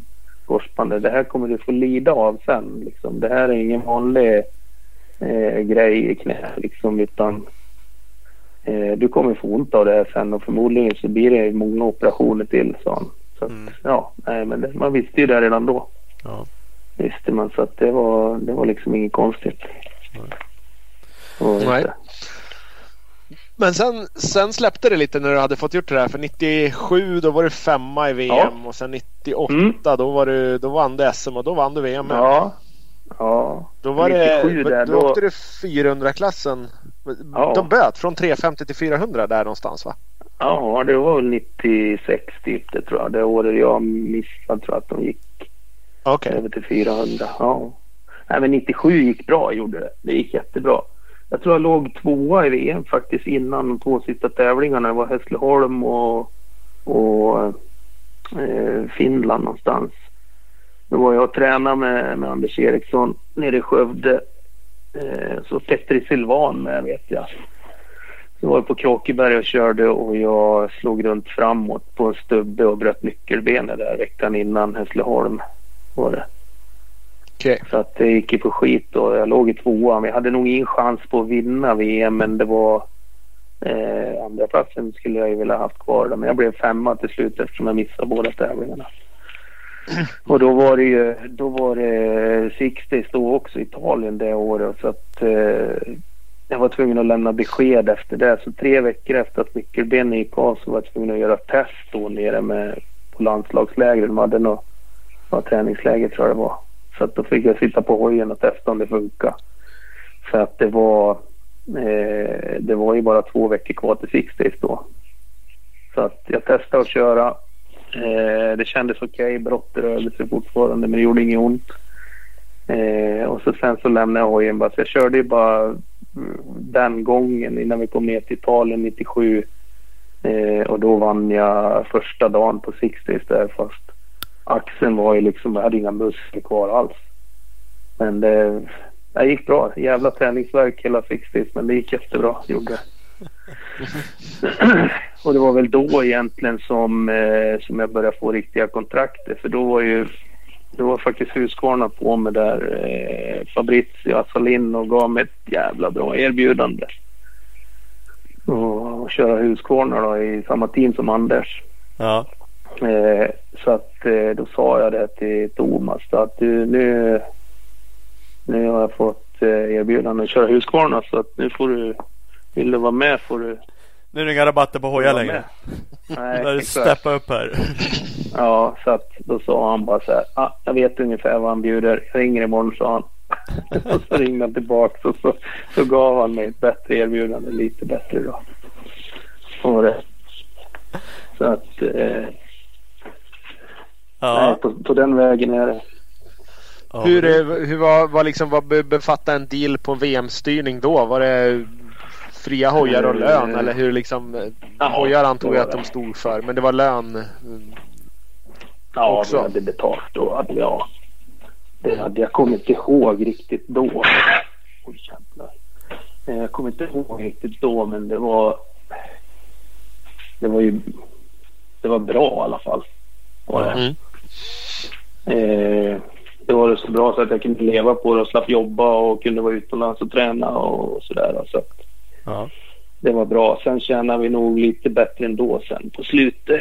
Eh, det blev lite, lite bättre betalt där sen från liksom 04 och till 09 de sista åren där. Okej. Mm. Nej men 98 sen, ja visst. Eh, fantastisk säsong. Hur ja, roligt som helst var det gjorde du rätt för Eh, ett bra kände väl kanske... Ja, det kanske var så. Så Thomas var glad åt att han bjöd över Husqvarna lite i alla fall. Ja. Jag tror det. eh, nej, men eh, vad ska jag säga? Det var första året jag åkte till Spanien och tränade. Eh, det hade ju gått bra redan 97 där. Och, förutom det när jag bröt nyckelbenet så, så Six därefter gick jättebra och kände att fan nu kanske det är läge. Eh, när man har vunnit några dagar på Sixties och gjort jättebra på VM och det då nu är det nog kanske läge och då drog vi ner till Spanien och tränade.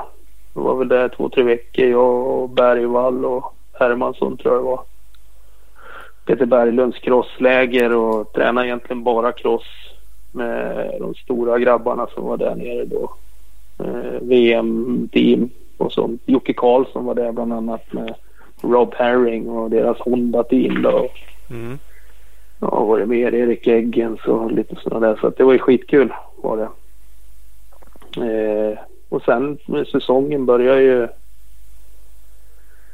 eh, började i Portugal. Eh, jag tror att det var på samma ställe som då när jag slet av eh, korsbanden 96 och så var det nog på samma ställe där 98. Och då var man ju så jävla nervös du, när eh, Peter Ansell skulle vara i min klass. Ja. Men eh, han... Eh, jag tror jag blev trea första dagen och vann andra dagen. Och, och han gjorde illa knä lite senare tror jag. Så att han liksom försvann. Gjorde han också. Så det var jag och Cyril Esquirol egentligen som fightades hela tiden. Och det Rinaldo var, ju- hängde inte riktigt med har jag för mig. Men det var, jag vann, jag vann, om inte, jag vann tävlingar varje VM då i alla fall. Och, nej, det rullade på hela tiden. Gjorde det. Fanns liksom inget, jag var stark i Mm. kroppen och nej, det gick skitbra. Ja. Första gången, jag tror det var första gången jag vann prov totalt också då det året. Alla klasser liksom. Var det. Så då kände man väl att fan, Vi fick en, börjar eh, man köra lite fort. Jag eh, ringde faktiskt eh, Lill-Anders Eriksson och frågade om, om han hade någon bra story om det och då, då tog han upp 98. Eh, han mindes inte exakt om ni åkte i Skottland eller Wales men eh, mm. Eh, det var skitigt den tävlingen och, Ja, normalt så. Normalt så var Peter Hansel och han Cyril lite vassare när det var gräsgärden men det här Mm, racet så på gräsgärdena så skjortar av dem så pass att de skickade ut sina följeåkare för att skugga dig på proverna. Ja, jo. Så att du inte ginar liksom. Ja visst. Nej men de börjar ju tro det. Att vad fan är det där för någon som kör så jävla fort? Så att de började ju köra utanför plastbanden liksom och följde mig runt hela provet för att kolla så att... Eh, eh, ja men så att jag inte gina helt enkelt. Ja, kapa Ja, fram det var på ju, det baksidan. var ju liksom... Ja men det var ju liksom konstigt bara det att ha en, ha en åkare som liksom körde som jag såg i ögonvrån hela tiden och körde.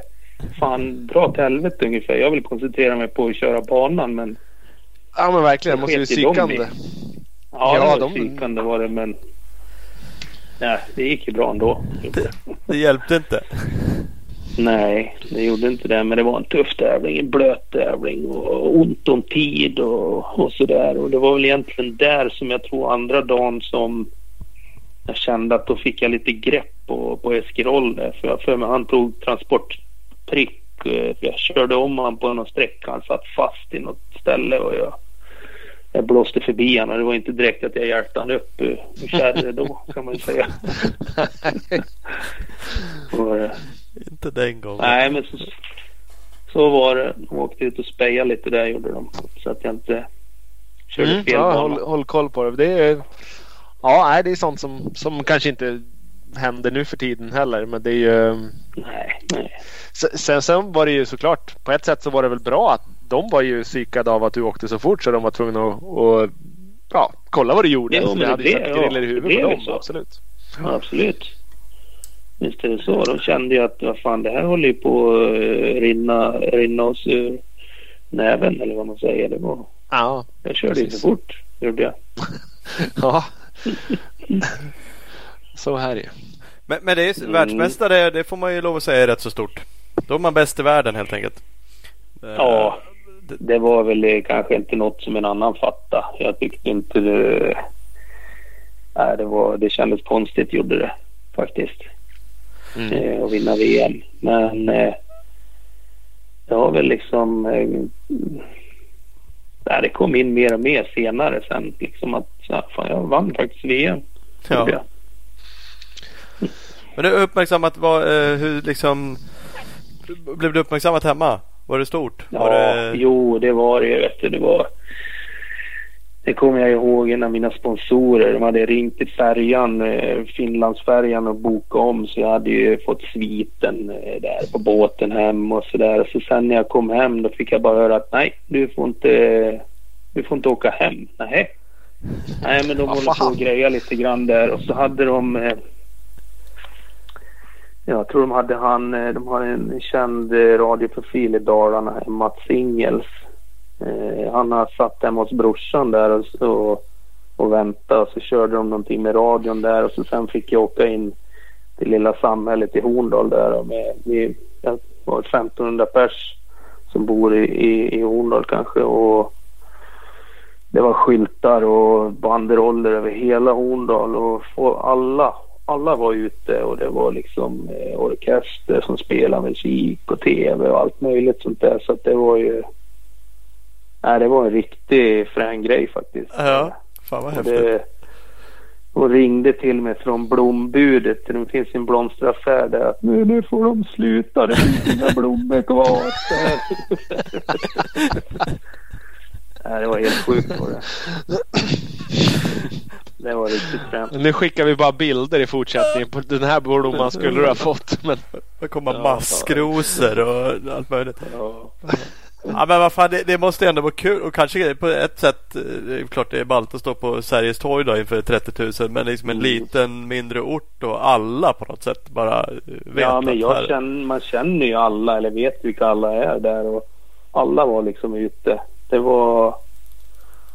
Nej, det var jätteroligt var det. det var, jag kommer ihåg det. Jag kommer ihåg så väl idag för eh, SVT var ju där då också och intervjuade mig. Men jag var så jävla liksom rörd så att när jag ser, såg mig själv, alltså överläppen skakade ju som Ja, liksom när man pratade så att det var... Nej, det var... Det var spännande och läskigt. ja, Var ja. det. Roligt. ja det är häftigt. Mm. O- onekligen. Men- sen vad, vad händer med en, en karriär då tänkte jag säga? Så släpper man det där eller bara man sätter det press liksom? Fan nu. Nej, men det var ju lite... Nej, fan, jag ville ju sätta upp nya mål då. Då hade jag vunnit 400-klassen. Nu vill jag ju vinna eh, 500-klassen då. Så att det var ju upp på 500-hojen då. Försöka spöa Tianen och Anders och, och de grabbarna var det. Mm. Så att... Eh, eh, jag, jag, jag kommer inte riktigt ihåg eh, hur de... Eh, jag vet bara att jag körde bra men inte tillräckligt bra liksom. Det, det saknas lite grann. Jag... Eh, det är svårt att säga vad det liksom riktigt var som... Jag kanske inte var riktigt lika bra tränad heller för jag hade väl haft några fler säkert eh, skador kanske med mina knän eller något men jag vet att jag blev tvåa i alla fall ett år. Det var väl 0-0 tror jag. Och så var jag trea där också. Jag var fyra. Jag har nog varit på alla platser tror jag i VM. Ja, för Men, börjar, börjar eh, man kolla så här. Jag satt också så där och, och, och så tänkte jag inför det här. Vad fan, det kändes som att men, han har något gäng VM-guld. Back in the days. Mm. Eh, och så inser man att det Mm. bara är ett. Det är ju jävligt bra. Men, men det är Mm. som du säger. Du, du hade mycket placeringar där genom åren sen. Eh, Mm. Bra. Femma, åtta, sjua, femma, fyra, fyra, sjua. Under Ja. 2000-talet där liksom. Ja visst, det var väl lite så här nu då i efterhand så hade jag egentligen skulle jag vilja ha för att för, liksom för min egen skull då med det här med att snacka med kontrakt och sponsorer och allting så skulle jag säkert ha valt att, att vara kvar i 400-klassen i ett par år till där. Mm. Eh, för när man tittar på tiderna, det kommer jag ihåg, man tittar ju alltid på tiderna och sådär så hade jag för mig hade vunnit eh, 400-klassen två år till på raken om jag hade varit kvar i den då Ja. med de tiderna jag gjorde på 500 där. Mm. Eh, men det var ju liksom inte mitt mål. Jag hade ju jag hade ju liksom det att fan jag, jag har vunnit här nu. Nu vill jag, nu vill jag vinna i, i, i kungaklassen där som det var då. Liksom Mm. med, med eh, de största hojarna då. Så att, men det som sagt det räckte aldrig riktigt till där. Det blev, blev bara två. Ja. Eh, ja. Men fick du välja som du ville där i klasser? Det teamerna var inte på det och tyckte också Nej, äh, det, jo, eh, jag tror nog också att eh, Husaberg var... Peter Jansson la ju ner där 97 och så sen så hade de inte riktigt någon toppåkare där i, i 500 tror jag. Så att eh, visst var Husaberg med i det där också men jag var inte sen att tacka nej och köra 500. Så var det. Ja. Jag ville ju liksom göra det också så. Mm. Var det. Du, du nämnde tränad Ja. och, och inte tränad tänkte jag säga hur du var Mm. där. Vi, vi fick en lyssnarfråga från Kalle på eh, Race Magazine. Mm. Som efter hundra eh, ka- kan avgöra vad, vad han egentligen fiskar efter. Men fråga hur det egentligen var med hans kroppsvärden under tiden då han körde VM. Om han hade värden som en Mm. elitidrottsman ska ha. Mm. Nu känns det som att Kalle Ja, ställer ni frågor grabbar, det kan ni ju här fundera som, han lite inte, på. som han inte vågar fråga själv. Ja precis, det känns nej, som att... det är inget, nej, det är inget konstigt egentligen. Det är, det är väl vida känt eller vad man ska säga. Eller, så här är det. Jag har en lungkapacitet som en, eh, som en 70-årig kärring som har rökt hela livet. Det var första gången jag fick höra det när jag var till läkaren och gjorde spirometri. Ja, Var det. du bara åh. Så att, eh, ja, nej men jag har, eh, jag har svår astma. Har jag. Ja. Eh, eh, sista gångerna jag kollar nu så har ju värdena ligger på coolvärde. Fy fan. Eh, och så har det ju varit eh, hela min karriär egentligen. Eh, det som jag tittar nu sist i spirometrin det är ju eh, om man tittar på lungvolymen där, alltså en normal person eh, som, eh, ja, som har min kropp och min eh, eh, ja, med vikt och allting sånt där. Det, Ja. Den har ungefär drygt 6 liter i lungvolym men jag kommer upp i 4 liter.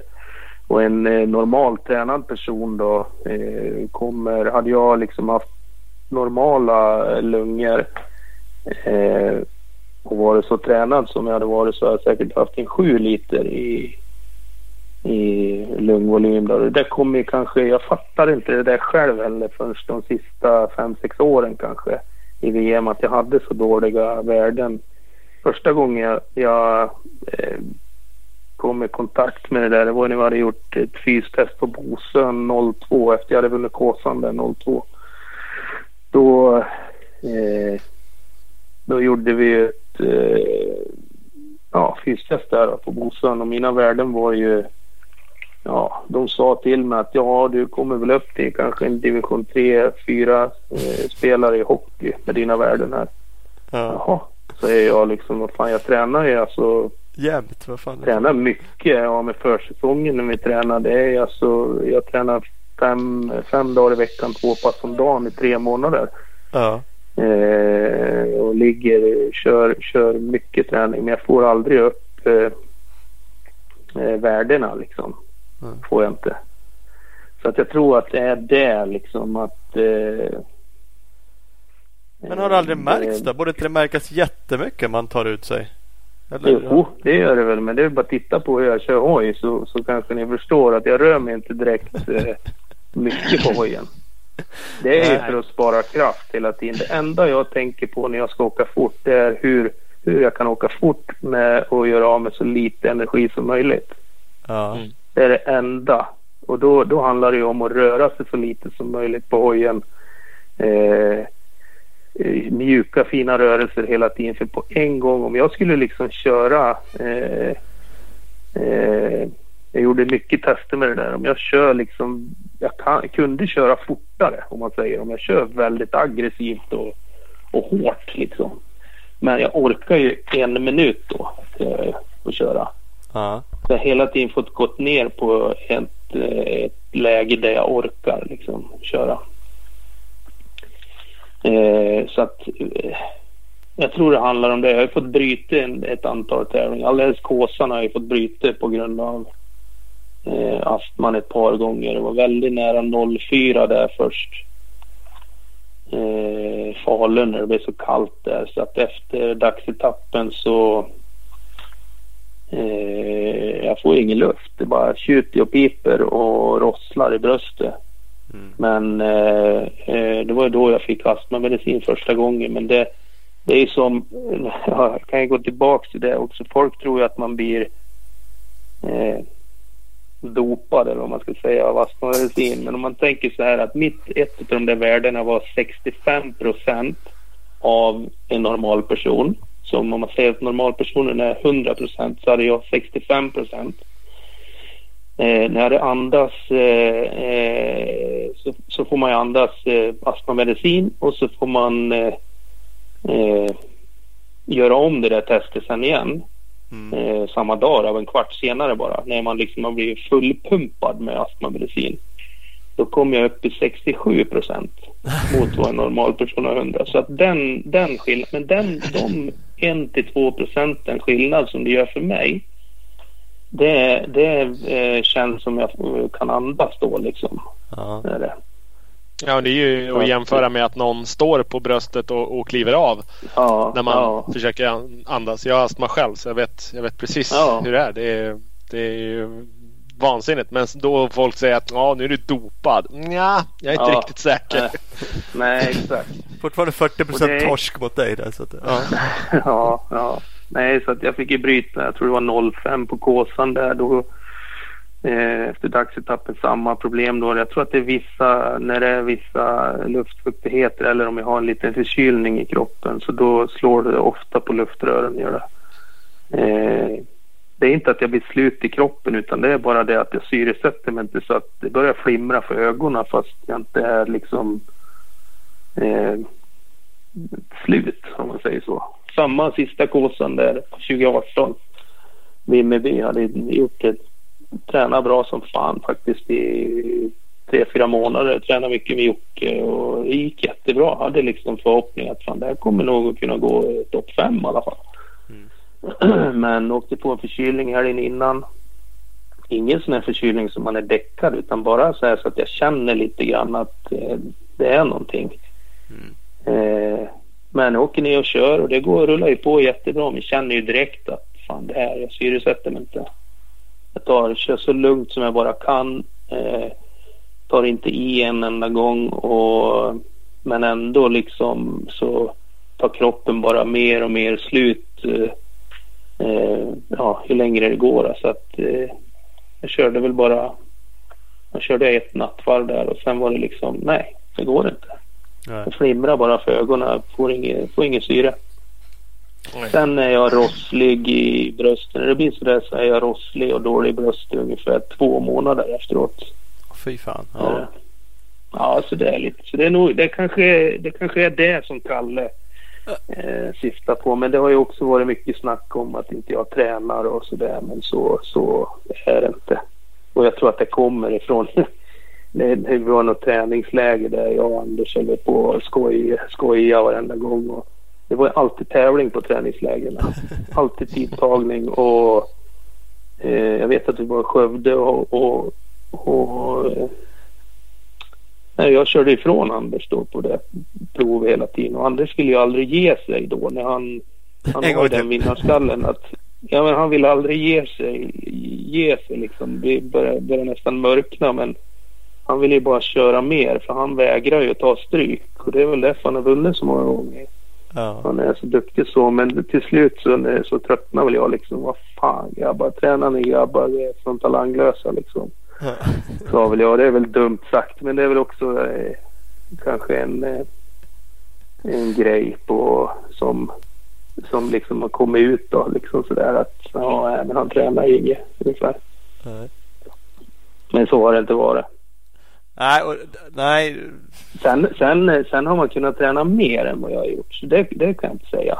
Absolut, det finns många som har tränat mycket mer. Men jag har tränat så pass eh, mycket så, jag liksom, eh, som jag klarar av. Eh, Och jag tycker att det är rätt så mycket. ja. Ja, och, Mm. och den räckte det ju långt och det där är en balans också. Dels kanske som sagt hur mycket kan man träna ja, med lunggrejen där och hur mycket kan man träna Mm. utan att bränna ut sig. Alltså det där är ju väldigt olika också. En del måste ju träna extremt Mm. mycket för att liksom hålla igång och vara i topp och den andra kanske absolut Mm. inte ska Mm. göra det för att helt enkelt vara på topp. Men det... Nej, det är svårt. Jag vet inte. Det, det, jag ska inte skylla något på den där astman utan jag har haft det hela livet och, och har ju lärt mig. Jag vet, jag visste ju inte om det förrän man gjorde de här testerna. Jag undrar varför man blir förkyld så ofta och, och rosslig i bröstet och piper som fan och hostar och så. Då. så att, det var ju därför man gick och började kolla då, vad det är. Och, eh, nej, jag har nog inte kört något bättre om jag var jag inte. Så kan det vara. Vi fick en lyssnarfråga från Patrik Andersson. Han har varit inne på flera saker. Mm. Bland, bland annat säger han där eh, som vi är inne på nu. Att Robban Tranberg en gång har sagt eh, att Björn är den enda som har vunnit VM utan att ha gasat full gas en enda gång. Så, så Ja. han, han, han hade den å- och så förlänger han det med att hade du den åkstilen från början eller har du tränat in den? Det, det är ju Mm. lite inne på att du säger själv att du var tvungen liksom att åka. Ja, men det har ju blivit så. Jag har väl, jag har väl egentligen tränat mig till den där åkstilen med tanke på att jag har inte orkat och klara av och, och kört på någon annan, annan stil. Då, då, då blir det för mycket mjölksyra i kroppen direkt och då, då vet ju vet ju alla hur det känns när det blir för mycket mjölksyra. Det går ju liksom inte att ta sig framåt nästan. Så där har ju den åkstilen kommit också. Sen har den kommit också med, med alla mina knäskador. Början av karriären då satt jag mer, eh, mer än vad jag gjorde i slutet av karriären om man säger. Utan jag fick ju lära om mig lite grann. Eh, jag vet att jag, jag kan inte fota ner. Då kan knäna gå sönder. Utan därför har det blivit att jag, jag lärde mig att ja, egentligen stå upp hela tiden. Så att eh, nu när jag kör då, då nej jag sätter mig aldrig. På en gång jag sätter mig, dels går ju pulsen upp 20 slag direkt bara man sätter sig ner. ja. Och dessutom när man håller på och sätter sig och, och ställer sig och sätter sig och ställer sig. Ja, vad fan, du använder ju lårmusklerna då. Det är de största musklerna på kroppen och det är de man inte vill ska jobba så hårt. Ja. Det liksom bildas ju jättemycket syra där så att det är väl också en grej att det är därför jag står ra, relativt raka ben. Eh, låter hojen göra jobb. Eh, bra koll på fjädringen måste man ju ha när man, när man ska köra så. Det, det är ju det, är det viktigaste Mm. tycker jag. Men det, det är som sagt, jag har nog tränat mig till det. Det då? Att, Jag att var- ställa, ja. Nej, men som Oh. sagt, jag har nog tränat mig till det där också. Jag tror det. Med tanke på knäskador och, och min lungkapacitet. Då. Ja. Mm. Det där med att ställa in hojen då, har det också någonting som du har liksom, har du haft känsla för det på en gång? Att fan så här beter han sig? Eller är det också någonting som du har testat mycket och, och kom- tränat fram? Ja, det har kommit eftersom. Och gjort, vi har gjort väldigt mycket tester redan från början. Med, med Husaberg där så hade vi ju, vi testade ju, dels testade vi alla standardfjädringar då, som skulle vara till nästa års modell. Liksom och sånt okej. ju vi fram, gjorde vi och, och då fick det inte stöta någonting och sånt där. Men sen så hade vi även våra egna eh, tester som vi körde eh, ja med VP då var det ju alla åren egentligen på Husaberg då. Så att man har väl lärt sig eftersom och Eh, det där, jag vet inte riktigt när det kom men jag anser mig, jag anser mig bättre nu än vad jag var när jag slutade VM också. Eh, så att det är någonting som man har kanske... Mm, ja, jag vet inte, jag tycker själv att jag är, duktig att få till grejerna. Jag är duktig att tala om för den som bygger fjärring. För jag kan säga att jag ställer mig inte själv och skimsar och, och grejer och vet vad jag ska stoppa i för skims eh, precis på rätt ställe. Men jag, jag är nog rätt så duktig att tala om för den som kan eh, eh, var, var i var vi behöver bygga och, och sådana saker och vad det är för fel. Och sen har jag alltid varit intresserad av det här med olika offset på gaffelkronor och, och allt möjligt sånt där. Och när man testar mycket då lär man sig mycket. Och det var ju liksom eh, det gjorde man ju varje, varje dag man tränade i Spanien så var det ju, testade man ju någonting. Olika saker. Mm. Var det. Även om det var att man skulle byta drev eh, på ett kugg eller om man skulle höja styre eller flytta styre eller höja fotpinnar, sänka fotpinnar. Eh, allt möjligt. Bara för att kunna köra så fort som möjligt. Vi rev av elstarter och grejer och lätta hojar. Eh, vi svetsade om ramar, grejer. Vi gjorde allt, höll på. Så att eh, jag tror att det är därifrån det kommer också intresse. Det är det jag tycker är kul nu. Det är att testa fram hojar som är, det är roligt.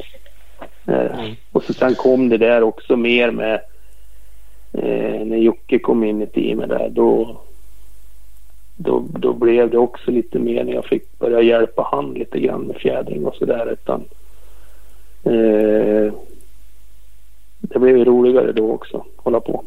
Ja. En liten sno, snoris och ta under din vinge liksom. Ja, ja det sa Thomas åt mig. När han hade tagit in han i teamet att nu, nu tar du hand om den här killen. Så han, ja, ja, ja. Nej men det var jävligt bra när han kom in var det för det var, jag tror att han kom in vid 04 där någon gång. Och det var, då hade jag haft några tunga år tyckte jag. 02, 03 eller 03 och 04. Jag började tycka att det var lite tråkigt. Jag Ja. hade gjort det där i tio år. Kört ut i VM i tio år. Eh, kände liksom att det hände inte så mycket med teamet eller någonting. Jag hade fortfarande stod man och meckade mycket själv och eh, sådana saker. Jag hade väl börjat fått lite hjälp. Hade vi gjort team där 03 kanske eller något. Men sen då när Jocke kom in då blev det helt plötsligt mycket roligare när det kom in en snorvalp och, och liksom var bara dryg. Nej, det var det inte men eh, det var jättekul att liksom ha någon att åka ihop med och vi åkte till Spanien och tränade och jag var liksom inte själv så mycket då. då. Nej. Nej. Så att det var, det var faktiskt eh, det som gjorde att eh, det var roligt att köra fast på slutet fast man kanske inte gjorde världens bästa resultat. Jag tror jag blev fyra där några år, fyra VM. Eh, och så sen blev det liksom bara sämre och sämre i de sista åren. Men det var ändå, ändå roligt liksom. Var det. Dels var det ju roligt för att eh, han, det gick bra för Jocke och jag kände väl också att jag var liksom lite delaktig där och eh, det kom det här med nya hojen, vinkelmotorn och det där. Vi var med och testade fram mycket och nej, så det var, det var roligt. var den rollen viktig? För jag, jag liksom satt som sagt och tittade och så bara ja men VM-guld det är bra. Och sen om man nu vill vara lite hård bara 5, 8, 7, 5, 4, 4, 4. Men jag gissar ju liksom i Mm. Lisebergs fabriksteam vill man ju att säkert att du ska vinna men vara på pallen. Men du var kvar väldigt men många jag år. det. Eh, Var det för att du gjorde mycket Ja. annat liksom? Att du var verkligen en resurs kring, kring tester och en stor resurs sen när, när Jocke kom in? Att man, man såg den bilden av Mm. fördelen med att ha kvar dig också eller? Ja, både och där tror jag så här. Men annars så tror jag inte att de hade velat... Jag tror nog att de trodde på mig också då. Men det började ju bli lite annorlunda i VM då på den tiden. Det började komma in det där jävla extremprovet och Blanchard och, och de där. Och, och liksom... Eh, eh, ja, jag tyckte inte att VM blev direkt bättre när det kom ett extremprov liksom. Och då i början var de där extremproven, det var ju... Nej, det kunde ju vara sådana ställen som man, man kom liksom inte fram bara. Det var ju Okej. inget roligt alls liksom. Eh, så att jag vet inte, men jag, jag körde fortfarande. Jag gjorde alltid bra tider på crossprov och bra tider på enduroprov också. Men extremproven hade jag svårare med. Men sen började det också komma in lite eh, förare. Det blev lite annan typ av förare där också på slutet. Med Johnny och Bär och vad heter det? Samuel Aar och de där de kom från VM-cross och, och, och klarade av att köra skitbra egentligen på enduron också då. Mm. Eh, så att eh, ja, jag vet inte egentligen hur Thomas. Eh, jag hoppas och tror att det var för att han trodde på mig för jag trodde fortfarande på mig själv gjorde jag. Mm. Jag vet att jag fick lite sämre kontrakt det sista året. Det fick jag. Eh, det var jag vansinnig över kommer jag ihåg också. Men eh, eh, det var inte dåligt ändå om man säger så. Så jag ska nog vara jättenöjd. Men eh, det sista året där i VM så var det nog... Eh, mm, eh, jag var fruktansvärt bra tränad då. Vi tränade jättebra jag och Jocke ihop. Eh, vi tränade sex dagar i veckan nere i Spanien. Eh, och körde mycket hoj gjorde vi. Eh, så flög vi hem och körde något SM och så, så flög vi ner i Spanien igen. Och, Nej, det var riktigt bra tränat. Så- Och så just den där nya hojen då som vi hade verkligen fått till bra också det sista året. Men det sket sig också där första tävlingen i Portugal. Då var det ett sånt jävla... Hade ju, jag började med den där prologen vet du, på kvällen och så var det något halvdant eh, eh, halogenlyse som lyste upp någon plan som vi skulle köra över stora stockar och grejer. Så att framhjulet slog undan på en stock och jag fotade ner, knävek sig. Kände direkt att ja, nu var det kört igen. Eh, körde dagen efter då men eh, klarade inte av, gjorde för ont. Åker till Spanien nästa helg. In på en privatklinik, i med stora sprutan då, och suger ur blod och knä då och så. För att kunna köra. Körde eh, det blev bara skit liksom. Sista, hela sista säsongen blev bara strul och det var så jävla synd. För så, så bra tränad och bra liksom, känsla som, som fanns eh, på hojen och det, det, eh, det, det pajade ju liksom. Då. Och, Ja. Mm. Mm. Var, var det första Vad säsongen? åkte du för, eh, Men- ja, vad åkte du för klass då?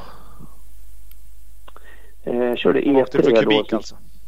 Ja, det var väldigt många olika. Från den sista säsongen tror jag att jag körde 476 kubik på den vinkelmotorn. Okej. Det var ju lite, ja vi hade vi testade ju väldigt mycket. Första säsongen där, som, där vi fick köra den i VM, det var ju eh, 08.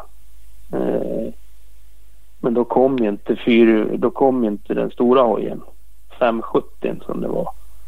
Eh, så att jag fick ju köra första två tävlingar på gamla hojen och där var jag också besviken. Jag hade, ju- hade testat, kört 60 timmar på två månader på den vinkelhojen på 450 och tränat inför Östersund då.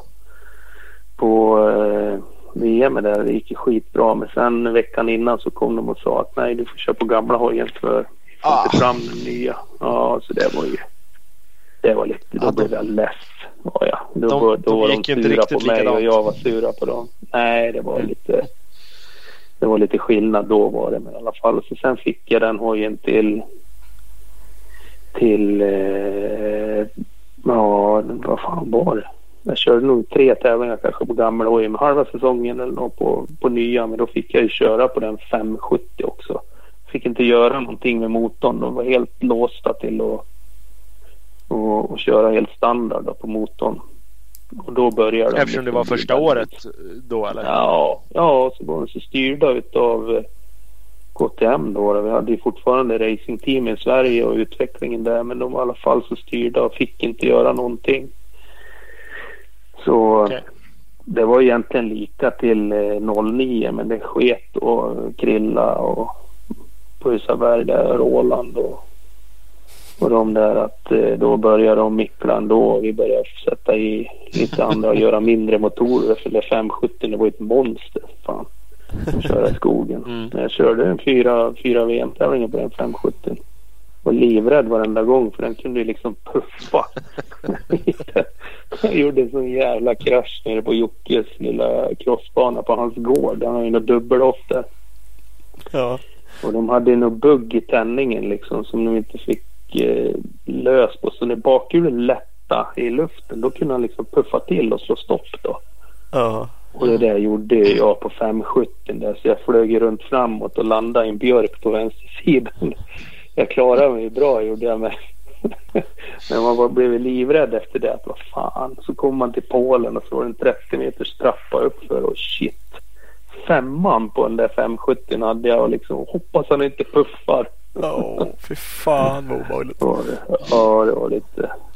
Men sen när de eh, eh, gjorde i ordning eh, det år efter där eller redan i slutet på 08 innan eller efter VM så började vi bygga om motorerna och då hamnade vi på en 476 då på eh, eh, för det var ju över 475 kubik och vi hamnade på 476 och den var så jävla fin i motorn. Var.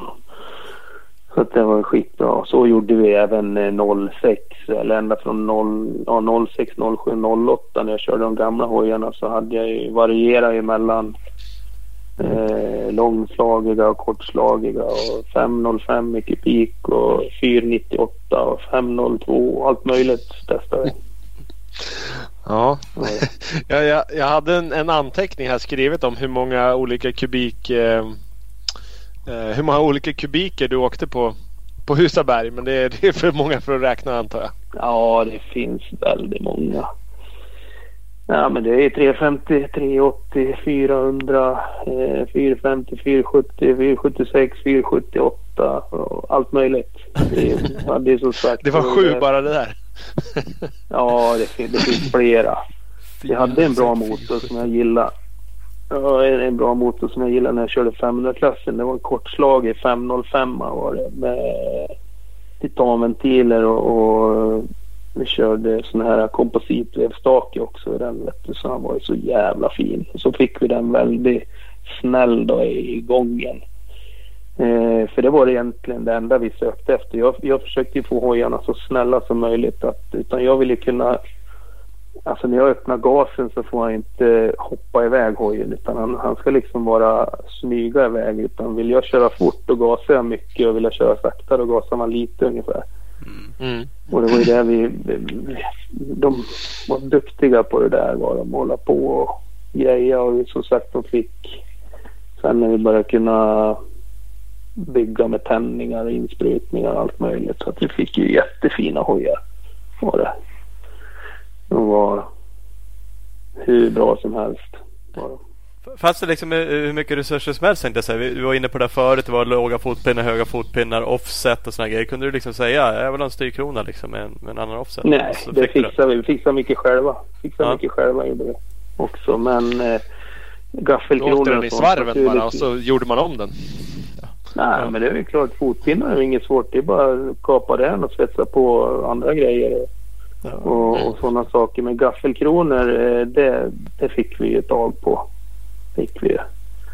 Eh, men vi testar ju allt möjligt liksom som högre och lägre dyner och bygga, bygga upp dem då. Och, eh, och vikt då, flytta vikt så här. Och, liksom, Vi hade lite problem i början med framhjulsfästet på på vinkelmotorn så att då la jag i la jag i vad heter det sån här svarvspån i, la jag i hela hjulaxeln i fram då för att få lite tyngd där och så sen så att eh, nej det blev inget bra för att det blir liksom på, på det rörande massan där så det blev inget bra sen så då var jag in till en bilhandlare eller sån här däckhandlare och köpte eh, sån här eh, ett bly ja, Balanseringsvikter. Mm. Ja, exakt. Tejpar på hela ramen i fram där för att få ner tyngden.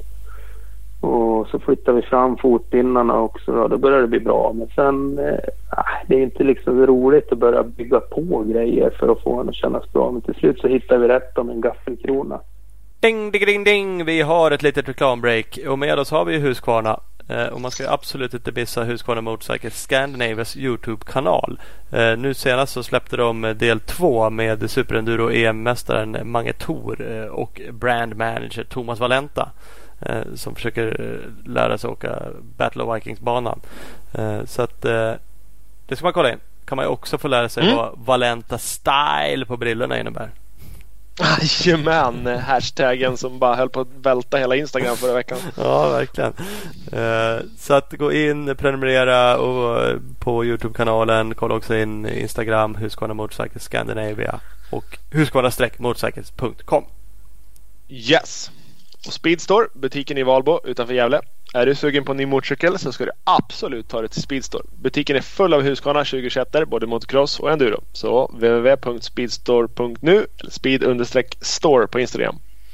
Och vi har Speed Equipment, Honda, KTM, Suzuki handlar i Vänersborg. Eh, riktigt bra priser på massor av prylar i butiken så att eh, glid förbi där och handla. Eh, kolla in speedequipment.se och följ dem på Speed Equipment på Facebook. Yes! Nu kör vi gäst. Jo, nej men det var ju så till slut så vi hade ju hållit på och byggt på vikt i framändan och flyttat fram fotpinnarna och det, det kändes ju som sagt fel att hålla på så. Vi måste kunna göra något annat och då började vi testa lite med gaffelkronor igen. Eh, för att eh, eh, det kanske var det då som inte var rätt. Eh, och då hittade vi på, för det satt 19, eh, kommer jag ihåg, på kronan standarden. Men då när vi började testa så landade vi på 22 där och helt plötsligt så fick vi ett eh, fick man en hoj som man verkligen kunde lita på kände vi och eh, både jag och Jocke blev ju liksom och jävlar vad bra det blev.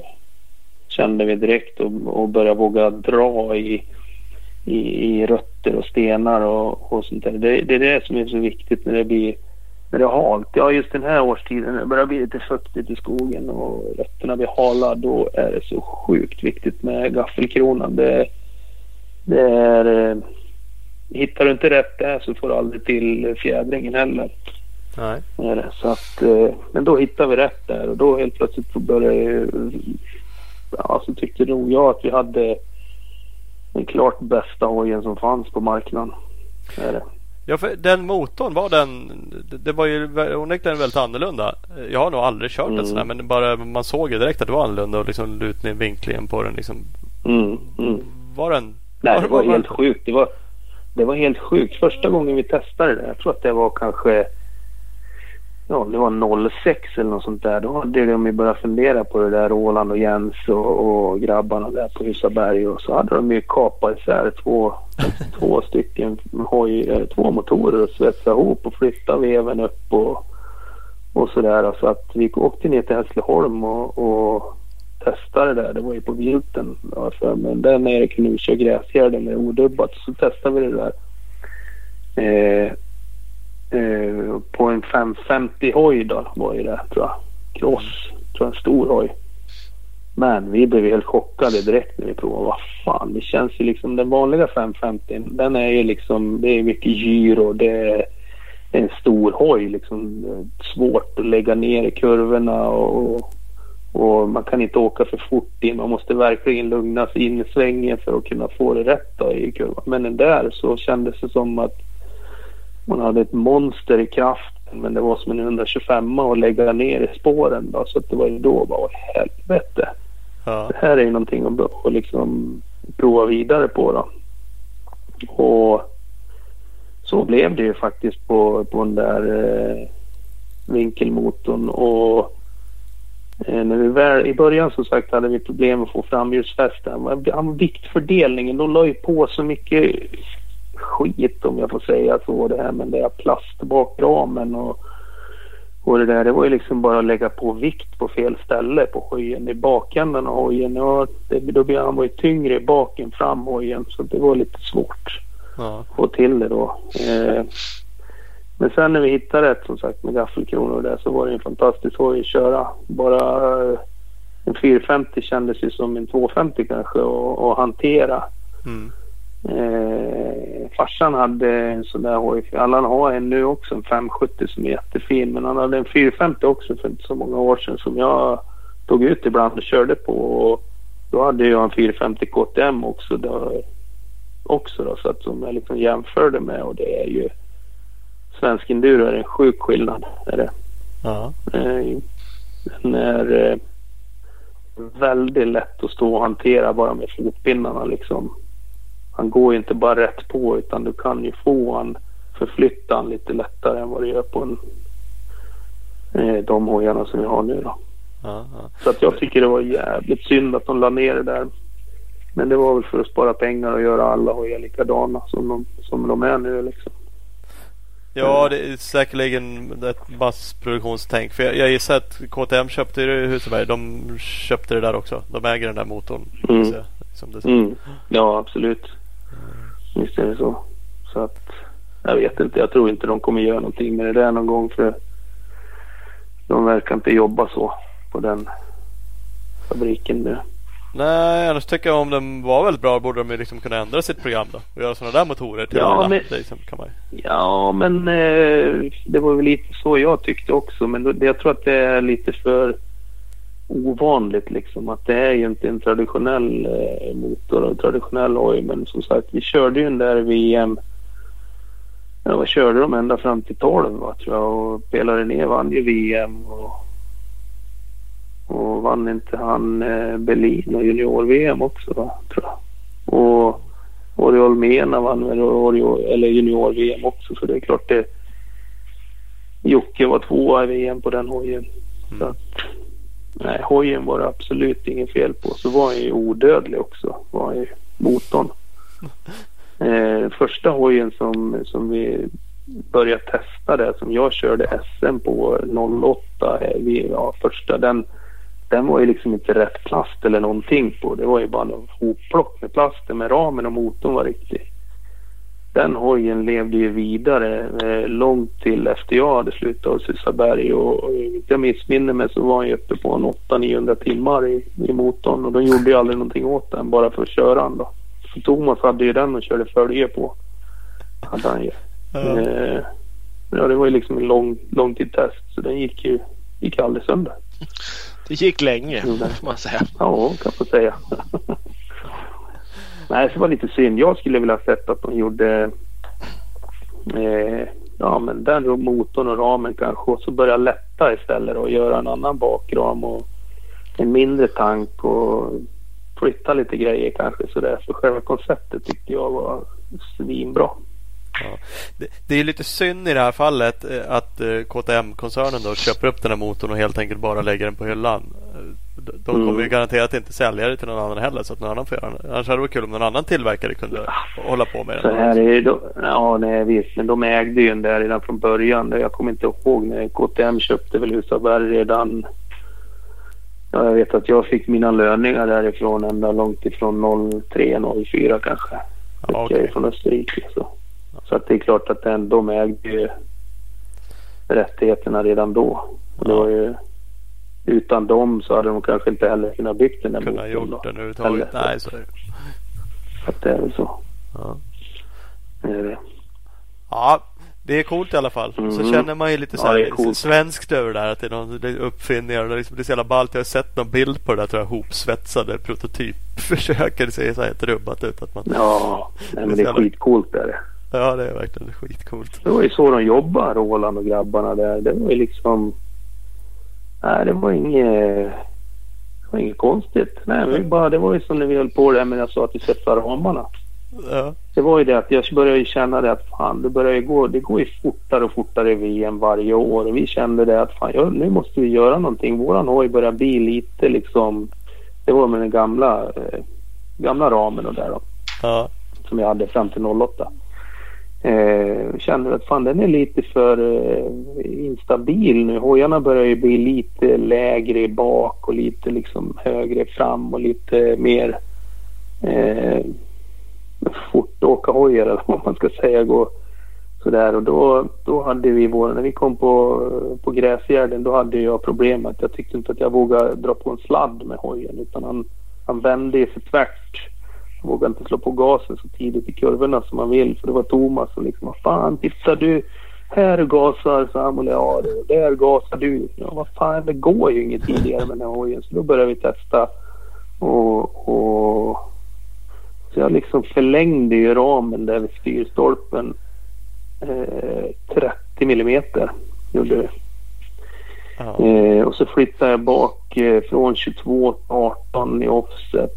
Eh, och fick en hoj som helt plötsligt var fan vad det gick att köra. Jag kommer ihåg vi åkte till SM i Västerås och jag och Jocke dängde ju alla där så att det, det var liksom, det var, då var det hala rötter och, och så lite slirigt då så att det var då första gången man fick känslan att helvete det här var bra. Ja. Så att så gjorde vi med hojarna ända från 0... Eh, jag vet inte om det var 06 eller 07. 06. Men, men då gjorde ni Så det på era, tog inte produktion Alla våra era... vi hade ju sex hojar om året hade vi och använde. Och de, eh, alla de här med Roland, det gjorde de på racingverkstaden. Det bara vinkelslipen rätt av, kapa av. Eh, gjorde en jigg, svetsa ordning, lacka om, bygger om hojarna igen. Så det var liksom, det var så. Ja. Men det där är ju coolt. Det är lite factory får man ju lov att säga. Liksom. För produktionshojarna var kvar som tidigare. Det var ni som fick liksom, specialramar till... Mm. till ja, ja, sånt där gillar man. Ja, ja visst. Det var, det var, det var verkligen special. Men, men hur Ja, var det samma det- sak? Var, gav du dem känslan så här då att det, det går inte att gasa här liksom? Jag vågar inte. Och så var det någon annan som tänkte men det, på vad man skulle kom, göra. Ja, visst. Nej, men det kommer väl från allihop. Vi måste prova att göra någonting. Jag känner den här känslan att jag har svårt att kunna eh, slå på gasen tidigare. För det känns som liksom antingen ska framhjulet flyta iväg eller också så sladdar bakhjulet iväg. Det liksom, hojen känns kort. Ja. Det kan inte... Eh, vi måste få en stabilare hoj som man vågar sladda med. Lite mer, ja men som man vågar åka på en speedway-sladd med. Ja. Och det var väl det vi strävade efter för det var mycket hala gräsgärden. Man var tvungen att slå på tidigt och våga hålla nere gasen. Och har den för kort och, och tvär hoj då snurrar den ju runt. Och då får dåligt fäste också och du vågar liksom inte. Nej. Och det var ju därifrån det där kom och då började ju Thomas, han är ju duktig på sånt där också. Vet du. Och, Nej, men vi provar det här och fan vad fränt och så testade vi det och så testade vi lite olika gaffelvinklar och, och sådana saker. Ja. Ja. Det var det också. Vi flyttar ju även eh, hjulax, eller vad heter det, svingaxeln flyttar vi eh, avståndet på också. Vi flyttar ju upp den längre så att det skulle bli en större brytning mellan eh, utgående axel, alltså drev, framdrevsaxeln där och svingaxeln och så bakdrevet. Ja. För att när man vrider på gasen då så ska bakhjulet trycka ner i, i marken då. Sånt där höll vi också på att testa.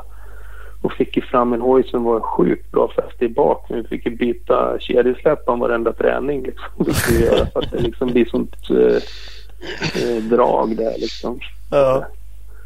Så körde vi också. Vi vinklade stötdämparna mer och testade också för att liksom svetsa om i bakramen där och testa och dona och se vad det får för skillnad. Så det var väldigt mycket testing var det. Och sånt tycker jag är kul. Ja, jo, För det var aldrig något aldrig något problem att göra det. Nej, och hittar man någonting som blir rätt sen så måste det ju vara sjukt jävla roligt att ha gjort sådana här saker. Man liksom känner att man får Mm. en så här riktigt fin cykel Mm. liksom. Ja, men det var ju Och som, just det var som Ja, när men- vi testade, testade vad heter det, 550. När de släppte 550 crossen första gången. Jag tror att det var typ eh, 02 eller 03 eller något sånt där. 02 kanske. Då var ju Mats Nilsson körde ju också Isaberg då. Så då skickade de ner mig och Mats Nilsson och Peter Källström ner till Italien med en hoj. Nu ska ni ner och köra 50 timmar på den här konstant. så att då åkte vi ner på en eh, på en någon crossbana där och Kurt Nickol var med och körde och testade lite grann också och provade. för att den var ju så jävla dragen den där hojen. Men då kom vi inte mer än eh, eh, vi kom väl upp mot 20 timmar och då, då blåste vi sönder något annat på den där motorn. Men det var ju liksom också ett sånt test. Va? Nej, men fem, vi ska ha 50 timmar på hojen. Vi får Ja. ner och köra. Ja, annars okej. behöver ni inte komma hem. Ja. Nej, det var roligt. Det var det. Ja, ja. Ja, det måste ju vara stor fördel med att, att ha en, liksom en, en liten fabrik och, och nära till Ja, Nära till alla gubbar på golvet, alla idéer. Det var ju liksom bara ett led bort. Det är ju, mm. eh, ja, det är inte så på, på rätt många andra stora ställen. Nej, det är klart att det var helt suveränt alla Eh, lika tidigt där när fabriken var i Laxå. Liksom, vi var, var ute i produktion där de producerade hojarna. Det var ju liksom bara med en kille och, och sen en kundvagn och gå och plocka reservdelarna. Liksom, Mm. Det här behöver vi. Och, nej, och så just det där med att de var så villiga att utveckla och testa det med, med Thomas. Och de, de försökte verkligen att göra bättre grejer år för år. Eh, och nej, det var skitbra var det. Egen bromsbänk och sånt där som vi höll på att testa med tändningar och förgasare och allt möjligt. Var det. Så att eh, nej, jag ångrar mig inte att jag stannade kvar hos Husarberg länge. Det absolut inte. Jag hade lite andra erbjudanden som Husqvarna där men även Yamaha där var på med då UFO-teamet där. När Bergvall körde för dem. Ville de att Mm. jag skulle köra. Men jag tackade nej. Nej. Det, var liksom att köra och sätta sig på en... Eh, nej, jag kände inte riktigt för det. Jag, då visste jag att jag skulle bli väldigt styrd på det där och, och, och så. Där. Utan det var väldigt fritt var det på Husaberg tycker jag. Mm. Ja, nej men och det, som sagt. Just för att det kanske var lite mindre och familjärt liksom. Hamnar de någon annanstans, ja Yamaha, då är det Ja. japaner som kanske ska ha Nej men det kändes ju som det. Vad fan, jag hade ju haft Thomas som följeåkare i typ 15 år för fan. Han har ju kört varje... Eh, varje VM-tävling kör han i följeåken och, och bara det liksom. Ja. Så att det blev ju... Och så Roland också som var så snäll och hjälpte till med allting som behövdes. Spelar ingen roll om det var husvagnen som, som hade problem när man skulle åka så låg ju han och skruvade under den hela natten för att få till det så att man skulle komma iväg. Nej men det var ju, det var ju så. De var en liten fabrik och, och det var en väldigt familjär känsla var det. ja, det är härligt. Hörru, vi, vi måste, om du håller dig vaken så, så eh, kör vi Mm. på en stund till om det är okej. Det är trevligt här. Eh, Kör på det. Eh, vad heter det? Mm. Om, om vi går tillbaka till resultat. Vi var ju inne på eh, novemberkåsan och det var en C-kåsa. Mm. Det fanns ändå, klart Mm. man borde vinna en riktig kåsa. Eh, Mm. det, det, lyckades du ju faktiskt också med. Ja, det gjorde ju det till slut. Eller till slut. Det var ju... Jag har kört, jag startat många kåsor. Jag har inte kommit mål så många. Jag har liksom eh, eh, alltid gått satsa på att vinna liksom. Men nej, jag har kört sönder grejer och kört sönder mig själv och, och sådär. då. Men det har ju gått bra många gånger har det gjort. Och som sagt 02 där, då gick det ju rätt så bra. Gjorde det. Jävla tuff tävling var det i Göteborg. Det blev inte så lång körtid. De strök ju någon sträcka. Jag tror att vi bara fick en fem, fem och en halv timmes körtid. Men det var en sträcka på eh, ja, kanske en timme de tog bort. Eller, jag vet inte. Skitsamma. Mm. Det var i alla fall jävligt tufft. 5.06. Jag vet. 5.06 vann du på. 5.23 hade Toresson som var tvåa. Mm. Du ser. Så att, men blött och jävligt var det. efter...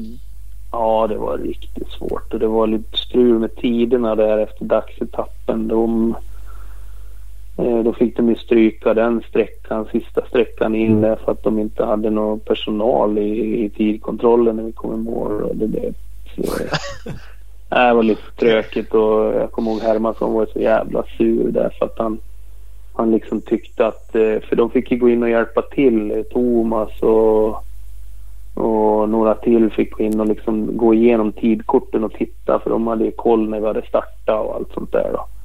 Och då Mm. tyckte väl någon att de hade räknat för mig där då, Jaha. tyckte de. Och det, det tycker jag låter jävligt konstigt med tanke på att vi körde för samma tid.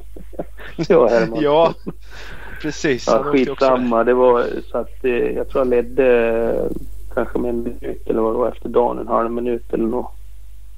Men redan, redan den dagen, det var ju också en rolig grej. Jag bara, fan, det har jag ju glömt av. Höll jag på att glömma av. När vi startade där, vi hade varit i Hässleholm och testat 04 standard. Det som skulle sitta på standardfjädringen 04 hade vi testat då. På Ja. hösten 02.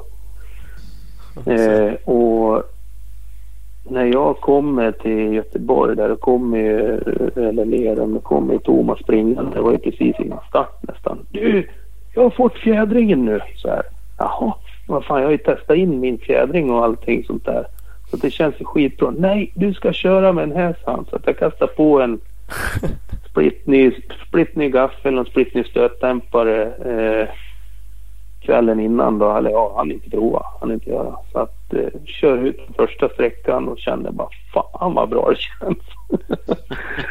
och så kom inte länge vet du förrän jag sopade i växelspaken så att den eh, det var ju stålväxelspak på den tiden. Eller vi körde där bara för att den var böjbar. Men den hade böjt sig under fotpinnen så att jag kunde inte växla.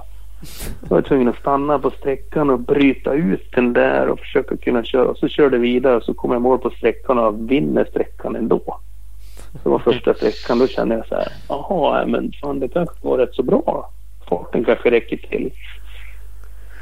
Så det var en lite rolig grej om det där. Men sen och, ja som sagt efter det var lite strul med tiderna. Eh, jag ledde efter dagsetappen men kände väl också så här att nu ska de jävlarna få som tror att de har räknat tiderna för mig där så att det var väl därför jag vann med 20 minuter och var till slut tror jag. Ja. Det flöt på. Det blev liksom, det var ju en lång sträcka som var sjukt svår. Det var, jag har nog aldrig sett så mycket kärr någon gång. Och nej, det var, det var liksom som man åkte och nästan var lite rädd i skogen för att det var inte mycket folk där ute på den sträckan. Och man kunde fastna precis överallt. Så det enda jag, jag var rätt så trött när vi skulle ut på sista nattvarvet på den sträckan. Eh, och, men det enda jag tänkte, äh, fan nu, det enda du inte får göra är att fastna. Så jag ställde mig liksom bara och knalla, körde relativt lugnt och försiktigt och ja, rullade på då och klarade mig från att fastna. Men då vann jag ju sträckan med fem minuter gjorde jag.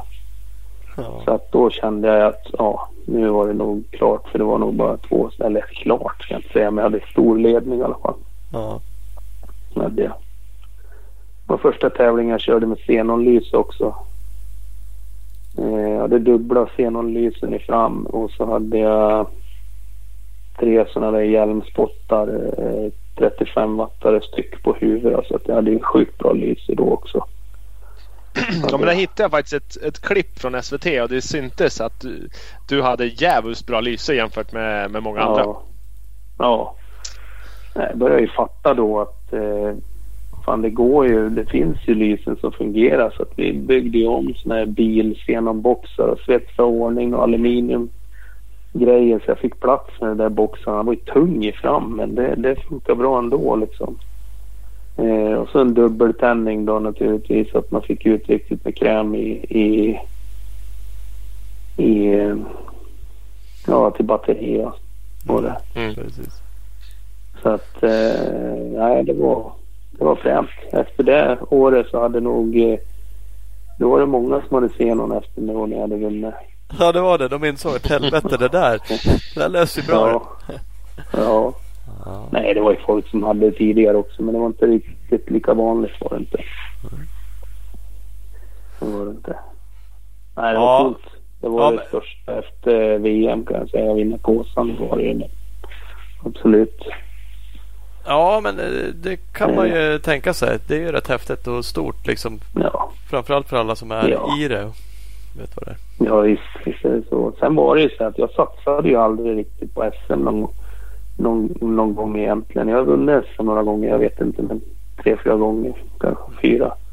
Men det är väldigt få säsonger som jag har hela SM-säsonger utan jag hade ju liksom kontrakt att köra VM. Mm. Och då var det det som gällde. Då gällde det att träna inför det också.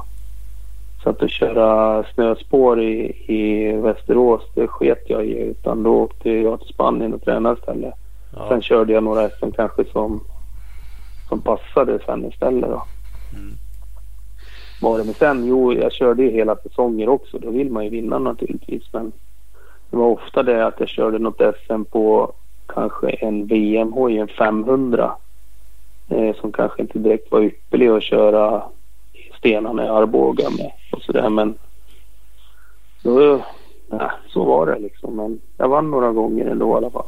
Ja. Så att det var ju kul. Ja, eh, jo, Det var- Jag körde Kavan där gjorde jag ju också 2011. Eller 10 och 11. Ja, då vann du Det- SM1-klassen. Ja, på 250 där ja. Light Precis. Björta som Jocke säger. 250 Ja. lights Björta. Ja, men då körde jag en ren cross. Jag rörde inte fjädringen, ingenting. Det gick bra ändå. Ja. Gjorde jag. Satt på ett... Eh, kastade i ett batteri i luftburken så jag fick lyse. och då körde... Ja, men det måste jag ju också berätta. Fan, jag körde ju Kåsan på den. Gjorde jag ju. Jag blev ju tvåa i Kåsan 2010 på den. Ja, ser. Tror jag det var. I Gävle. Ja, Då, precis. ehm, 10 över 2. Stämmer. Mm. Då hade jag ju kört 450 några innan och så hade jag liksom börjat, jag hade fan börjat tröttna nästan lite grann. Jag hade ju kört rätt mycket hoj tyckte jag då. Men sen så tog jag här på hem en 250 cross och provade. Jag har aldrig kört någon sån här liten fyrtaktare. Tog hem den och den gick ju skitbra. Den var ju stark i botten och sådär. Det där var ju en och en halv månad eller två månader före Kåsan. Jag fick hem crossen och vad fan. Och så började jag köra lite. Fan den här ska ju Fan, kanske ska jag åka till Gävle och köra bara för skojs skull. Liksom. Bara för att... Fan, jag hade inte tänkt att köra. Det finns ingen lyse då, så att då, då letade jag reda på min gamla... Ja, den där dubbeltändningen, den där megawatt-grejerna jag hade. Så att jag pulade ju på där på, på den. Borrade hål i, i standardkåpan. Eh, på med den där stora magneten på, på svänghjul och så försöka få på linningen och den kåpan utanpå den där. Och det gick ju inte att svetsa eller göra någonting för det var ju magnesium. Så att eh, körde eh, limmar och tätar. Vicks limmar och tätar och eh, popnit med vinklar. Körde det där. Kastade jag på tankkåpan och fick i ordning på lyset så att jag kunde ju driva tre senan på den där kavan och det jag körde fyra men det slocknade hela tiden. Jag gjorde det räckte inte riktigt. Men eh, det funkar skitbra så lyckades jag bli tvåa där då. Och tänkte hur fan gick det här till med, med en kåpa som jag satt. Jag skulle bara åka hit och ha lite skoj. Ja. Eh, och så blev jag tvåa efter Jocke. Han var ju ljusår för jag tror han var en kvart före eller något sånt där. Men, men, eh, men ändå så var det jävligt kul var det. Jag gillade hojen gjorde jag och tyckte det var, det var roligt. Och så sen när jag kom hem då lastade vi hojen. Då var det en stor jävla oljepöl i bussen. Då hade det släppt mitt eh, limmar och tätar och kemiska metallen och det. Så då rann oljan ur där i kåpan. Nej, jag byggde ordning det själv hemma i garaget. Bara stod och pulade och grejade. Hur fan ska vi få till det här? Så jag och farsan höll på och greja. Det var lite roligt. ja, det är ju det. Sånt där lite Mm. hobbygrejer när det ändå går bra liksom. Så det är lite... Mm. När det gick till Kabba där, 10, då droppade Mm. du VM. Alltså då, då började du trappa ner lite grann eller? Ja, jag började 2009 där, säsongen som jag berättade om. Jag hade eh, problem med skador och reben gick av och knäna gick av och kände väl att nu, nu är det färdigt. eh, hänger inte riktigt med och kroppen börjar säga ifrån liksom. Så att då, då sa jag till eh, Husaberg eh, innan kontraktsförhandlingarna sa jag att nu kör inte jag något mer än det här. Och de var väl, de var väl lika glada för, för det liksom. För de hade väl inte tänkt, nej men eh, jag fick ju inte sparken i alla fall om man säger så. Utan då, då sa jag till att jag tänker inte köra något mer. Även om ni inte tänkte erbjuda mig något så tänker jag inte ta det. Jag, jag är färdig nu liksom. Ja. Eh, och, men jag sa det också att jag kör gärna vidare på Husaberg i, i SM och vill köra SM för lite skojs skull och, och lite tävlingar och sådär. Mm. Eh, och då sa egentligen Thomas bara att ja men då är det ju inte mig du ska diskutera med utan då är det ju våran Sverigechef du ska diskutera med. Jaha, ja, ja okej. Jag har haft kontraktsförhandlingar med Thomas i, i 17 år ungefär och så fick jag prata med någon annan och då då erbjöd han mig så jävla sjukt dåligt så då sa jag att nej men då då låter vi det vara. Så ringde jag Jocke Karlsson på Kavva istället. Vi hade blivit bra polare när han körde Isaberg då i cross-VM där ett tag och sådär. Ja. Han blev skitsugen blev han ju och så fick jag ja, fick rätt så bra kontrakt av han där och, och köra SM och, och det, det ångrar jag inte kan jag säga. Det var skitkul var det. Ja. Ja, vann, Men jag blev vann ju besviken SM andra på året. Husaberg då. Ja, jag blev besviken då på Husaberg faktiskt. Eh, eh, hur de hanterade det då efter 17, eh, 17 VM-säsonger typ eller vad det var. Och, och så sen typ få köpa en, en pris för en hoj för nästan full pris och, och sånt där. Då kände jag att nej, då kan ni ha det. Kan man ju tycka att det är lite lång och trogen tjänst och som sagt du var ju onekligen fortfarande snabb. Du vann SM på en cover där. Ja. Att göra, göra en okej deal till dig hemma kan man ju tycka Ja. kanske att det hade kunnat vara värt att gjort. Men Ja. Men men så är det. Och det det- jag är, så glad över Husaberg och allt de har gjort för mig så att jag skiter i det. Det, det är liksom inget konstigt så. Men det var roligt att köra kava och prova något nytt och testa fram något nytt. Och körde Ja. ja. 450 där första året och blev väl jag vet inte, jag tror jag blev tvåa efter Jocke i SM då. Men vad fan, jag hade dragit ner på träningen då också och kände att eh, eh, de kör så fort så jag kunde inte hänga med dem riktigt. Jag var, orkade inte helt enkelt. nej. Eh, och så sen så hade jag väl egentligen inte tänkt att köra SM tror jag 2011 utan men sen när det gick så bra på Kåsan där och det kändes så lätt på på Det är 254-takten så tänkte jag fan jag kanske ska försöka spöa Anders då i- en gång till. Ja. eh, så att vi hade ju en ruggig fight där hela året har jag för mig. 2011 så att det var roligt. Var Ja. det. ja, det kan jag tänka mig. Ja, Ja, sen ni- så sa jag till det efter 2012 där sa jag att nej nu, nu orkar jag inget mer på SM. Eller sa jag då. Men eh, Hur gick det det? ångrar man sig snabbt. Precis. nej, det som var med kavan tror jag då. Jag, liksom, jag hade tröttnat på att hålla på. Jag fick bygga om rätt så mycket ändå. Ja, Tyckte jag. Det var lite bökigt med besiktning. Regga, ja, och- ja, men det var lite sådana där. Jag ville bara, nej, jag, då köpte jag ju en Husaberg 300 av eh, Ljunggren. mm. Gjorde jag ju. Och då fick jag nog rätt så bra pris. För då var Thomas med igen. Ja, men det är klart du ska ha en Husaberg. Så då löste han det där på något sätt. Och, och då hade jag, jag kommer inte ihåg om jag hade, jag hade hade nog inte tänkt att köra SM men när jag väl fick hojen och började testa lite och köra lite fan det är väl lite roligt att köra tvåtakt. Ja. var det ju så att men då gjorde jag ju en sån jävla krasch där 2012 så att då skadade jag med det värsta skadan jag gjort någon gång så att det var lite tråkigt. Det ni, ni såg inte den då när ni researchade när ni såg kraschen? Jag tror han finns på Youtube. Nej. ja, är det på Nej. eh, snö? Krasch? Ja exakt. Ja, den såg Ja. jag i slow motion. Jag, liksom, jag forskade inte mer Nej, i det än att... Nej. Jag tror han, undrar om han inte fanns också i det inte är slow motion. Då ser man liksom lite mer vad det är. Men det var, nej, det var en otäck-smäll.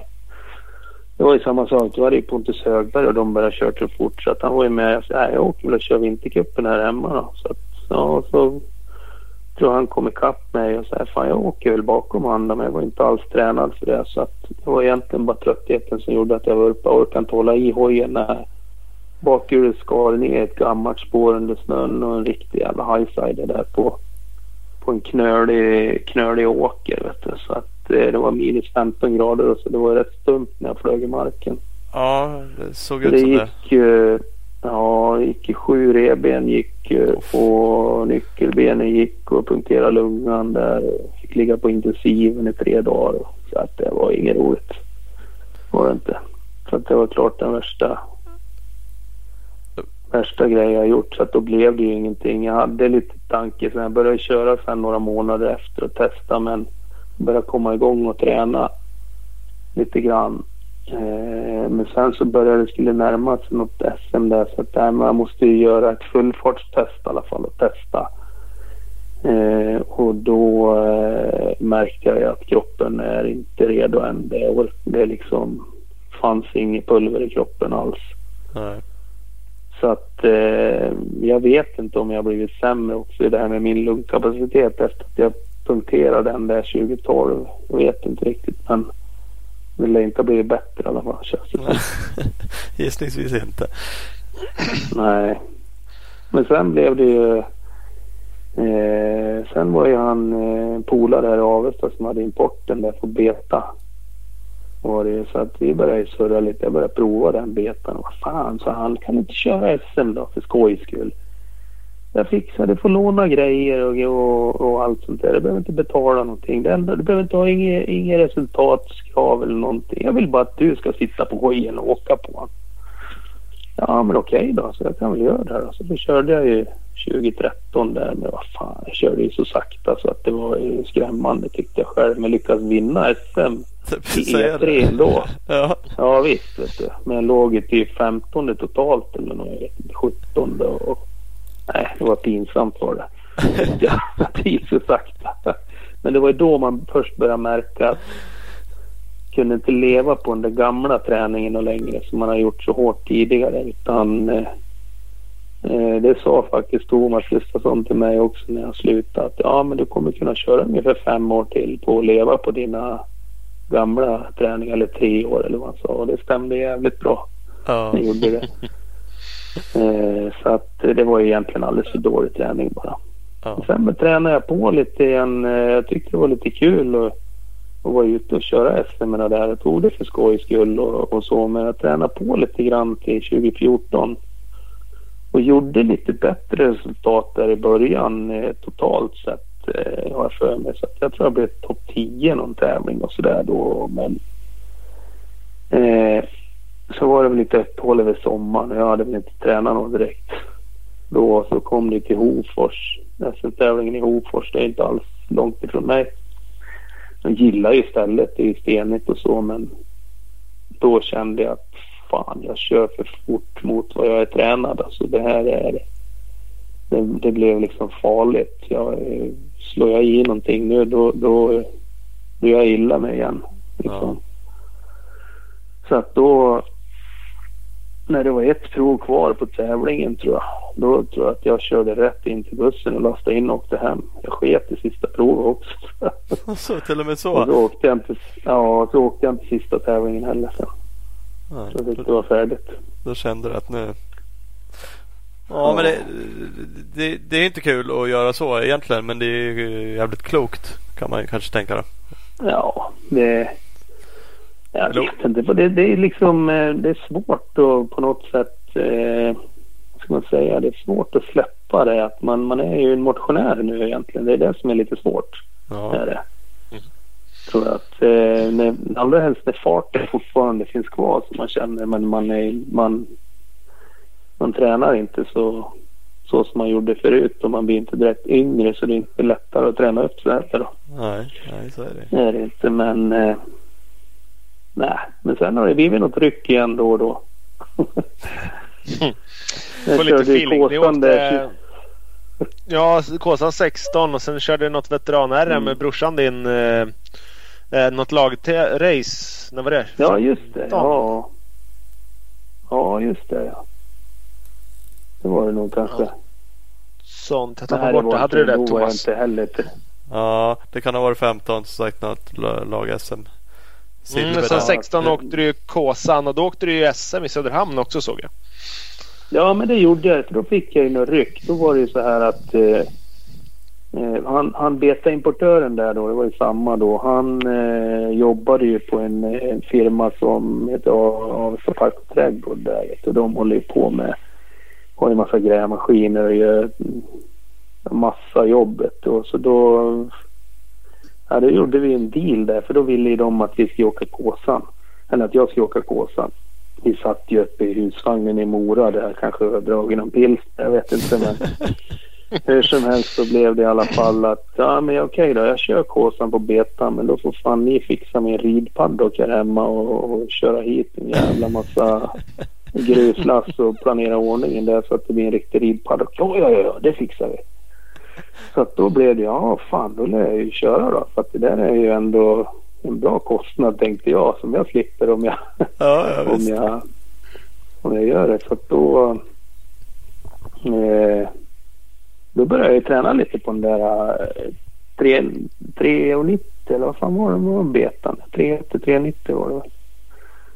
Han gick skitbra den hojen i alla fall. Gjorde han. Och, men jag, jag liksom fick ihop alldeles för lite timmar. Jag tror jag fick ihop 25 timmar träning och hade inte tränat någonting alls på liksom innan då. Men kände ändå att jag hade kontroll på hojen när jag körde och så. Men, eh, och då åkte jag och körde det SM jag tänkte som eh, jag måste ändå köra en tävling och testa lite grann igen.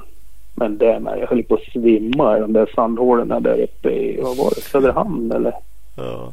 jag Mm, kommer ja. inte ihåg riktigt. Ja. Ja, jag var helt slut var jag där men jag tänkte ah, det går ju lite fortare här och, och hinner träna lite till då, så att jag åkte dit och, och hade flyt, flyt med vädret om man säger så. Så att eh, var väl lite förvånad efter dagsetappen när jag låg tia på Kåsan där med tanke lite hoj jag hade kört. Då började jag nästan fundera lite vad fan håller de på med de andra grabbarna liksom som försöker och, och, och dra liksom. Men då man förstår ju också att det är där man fortfarande kan åka fort när det är lite lite bökigare där man inte behöver ta i så mycket om man säger. Där man kan åka på lätten. Ja. Eh, så går det ju fortfarande att köra mjukt och fint och det rullar på bra men man blir trött ändå så att jag dalar ner. Jag tror jag blev 15 till slut och, men eh, eh, jag var väl nöjd att jag tog mig i mål liksom. Var det. Så att det var roligt. Och då fick man väl också den där feeling, vad fan jag skulle ha kört en påse när jag verkligen tränar en gång riktigt. Ja men jag fick ju det där helvete så att då inte till år efter då, men år efter det då var det där i Vimmerby att nej nu, nu gör vi en liten satsning. Gjorde ordning en riktig fjädring, testade mycket med Tommy, AT Suspension. Grymmaste fjädringskillen i Sverige måste jag säga nu. Eh, testade mycket med Jocke där och det var... Eh, nej, fick till bra grejer. Och jag köpte liksom de hojarna jag tyckte jag åkte bäst på. Jag hade en 350 KTM eh, år innan. Eh, men eh, för svag tyckte jag. För, för slö. Finns, går inte att köra på bottendraget riktigt på honom så att då skaffade jag två 450 hojar. Liksom gjorde en riktig satsning där till till Kåsan i Vimmerby och som sagt tränade eh, riktigt bra i tre månader måste jag säga. Eh, mycket, mycket fys för att vara med men jag försökte väl träna fem dagar i veckan i alla fall med hojåkning och det är jättebra för att vara nu när man när man driver företag med 35 anställda och barn och grejer och, och sånt där så att det blev ju skitmycket tycker jag då. Men som sagt då och vi tränar mycket med Jocke och jag kommer ihåg vi låg och tränade i Rävsbo här Jocke och jag. Vi, det är en stenig bana, i min hemmabana men eh, Jocke har alltid kört bra där och så låg vi och tog tider och jag var fyra sekunder efter han på 18 minuter där och då kände jag att fan nu, det, nu går det bra liksom. Ja. Få till det här med däcken och allt sånt där. Kände mig stark också. Eh, och så men som sagt, det var det jag berättade tidigare. Det sket sig med luftrören på, ja. på tävlingen sen då. Den är lite seg när man gör en satsning sådär liksom på. Ja, då blev jag less. Blev jag. Eh, sålde båda hojarna direkt då sen. Fick Nu du- Då var jävlar. jag utan. Ja, jag gjorde det. Det var liksom. Ja. Jag satte ut den, eh, den gamla hojen. Jag hade en, en 17 då hade jag. Eller ja, jo, en 17. Men 19 var ju likadan egentligen. Det var ju ingen skillnad på, på hojarna. Så att jag hade tränat mycket på den 17 modellen och så köpte jag en 19 modell. Körde tävling på. Så jag tänkte att nej men jag, jag säljer väl den 17 modellen. Men då, nej, då ville de köpa båda så då sålde jag det. Sålde du av. Ja. Mm. Joc- Jocke skrev in en fråga faktiskt. Jag vet inte om det var exakt det Jaså? året. Men, men, men Kåsaträning på Tolenbanan. Hiss, hiss eller diss? Ja, det kan man ju dissa rejält. Det är hans jävla hemma köttar eh, Kåsabana va? Ja, jag vet exakt vad han tänker på. Det där garvar han åt den idag. Gör han. För vi var, det, det var längre sen var det. kanske var där 0, 05.06 eller något sånt där. Jag vet Ja. inte riktigt. Kanske lite senare också men spöregn, kolsvart ute. Jag åker ner till Karlskoga. Vi ska träna lite Kåsa-träning. Och Jocke är så här taggad som bara, bara han kan vara typ. eh, och vi, nej, men vi ska dra iväg en liten repa bara här borta. Ja, ja men fan det blir bra. Vi, vi drar iväg och testar lite, känner lite på det. Och han börjar ju gasa så in i helvete liksom. Så Ja, men jag, jag hängde ju inte med liksom. Jag kände, jag var ju direkt bakom huset och så sen började han slå på full gas hela tiden där och så sen stod han ju liksom och eh, ja, stod och kollade vad fan kommer ungefär någon gång så här och Ja, vad fan, hur fan tror du att jag ska hänga på dig bakom din gärdsgård direkt så här full gas? Det var då? Jag kör ju lugnt. Jo, eller hur? Han ville liksom bara försöka steka mig där. Så då, redan då var man ju lite halvsur och så sen så, ja ah, men nu kommer vi till Torlund, träningsbanan här. Och det var ju som sagt, eh, det var ju bara någon vecka säkert innan Kåsan där. Och det var ju riktigt blött och skitigt och jävligt var det. Och eh, nej men han drar ju iväg så in i helvete vet du. Och jag liksom nu jävlar ska jag liksom hänga på. Nu ska han inte få Ja, nu ska han inte få liksom leka med mig här. Så jag hängde på honom där liksom. Och så, men så började det var ju så mycket vatten.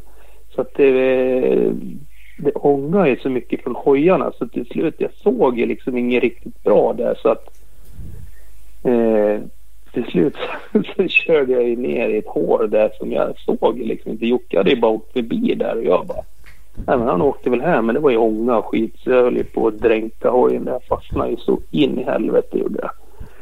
Och han drog iväg där och jag slet och försökte få upp hojen där och sen kom han tillbaks där och vad fan och, och, så, så här lite stöddig som han. Liksom. Vad fan håller du på med Björta? Vad fan gör du? Ja men ungefär.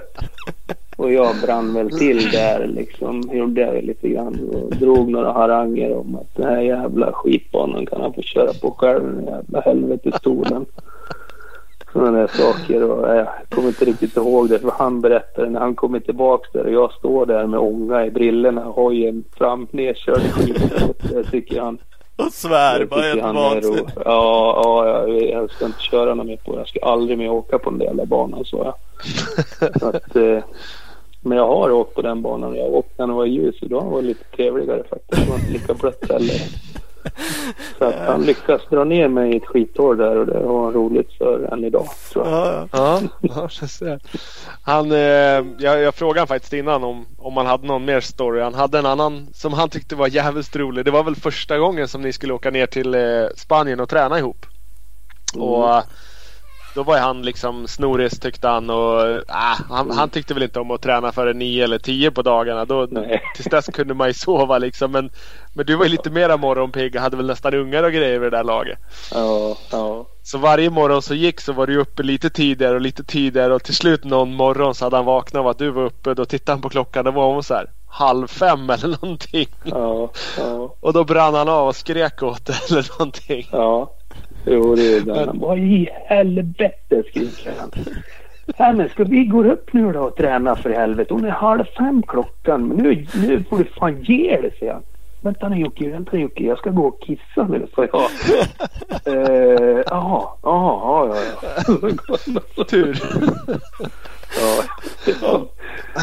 Nej, Jag vet inte. Han, eh, han ville gärna sova på morgnarna och han var inte så jävla träningsvillig då faktiskt. Då fick jag driva han lite där och då var det Ja. nog jag som satt eh, tiderna när, vart vi skulle köra och när vi skulle köra och hur mycket vi skulle köra. Då. Så att det var...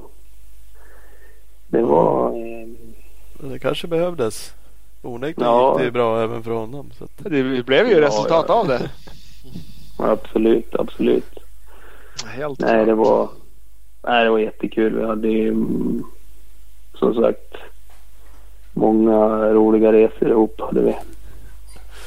Det finns ju mycket stories som helst men då får vi sitta och snacka hela natten här kan jag säga. Det, det, det har vi snart gjort nu ändå. Men det är fan Ja. roligt det här ju. Så vi- ska nog runda av lite grann. Eh, Får jag Mm.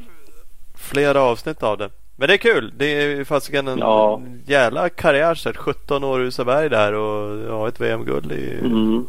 långt ifrån dåligt. Nej, men det, det, det när man tänker tillbaks på det så säger man fan inte, nej jag har inte kört så jävla mycket. Men sen när man börjar eh, titta lite och vad fan, jag har nog hållit på en del då. Blir väl någon sväng ändå. Ja. Nej, men det, det är eh,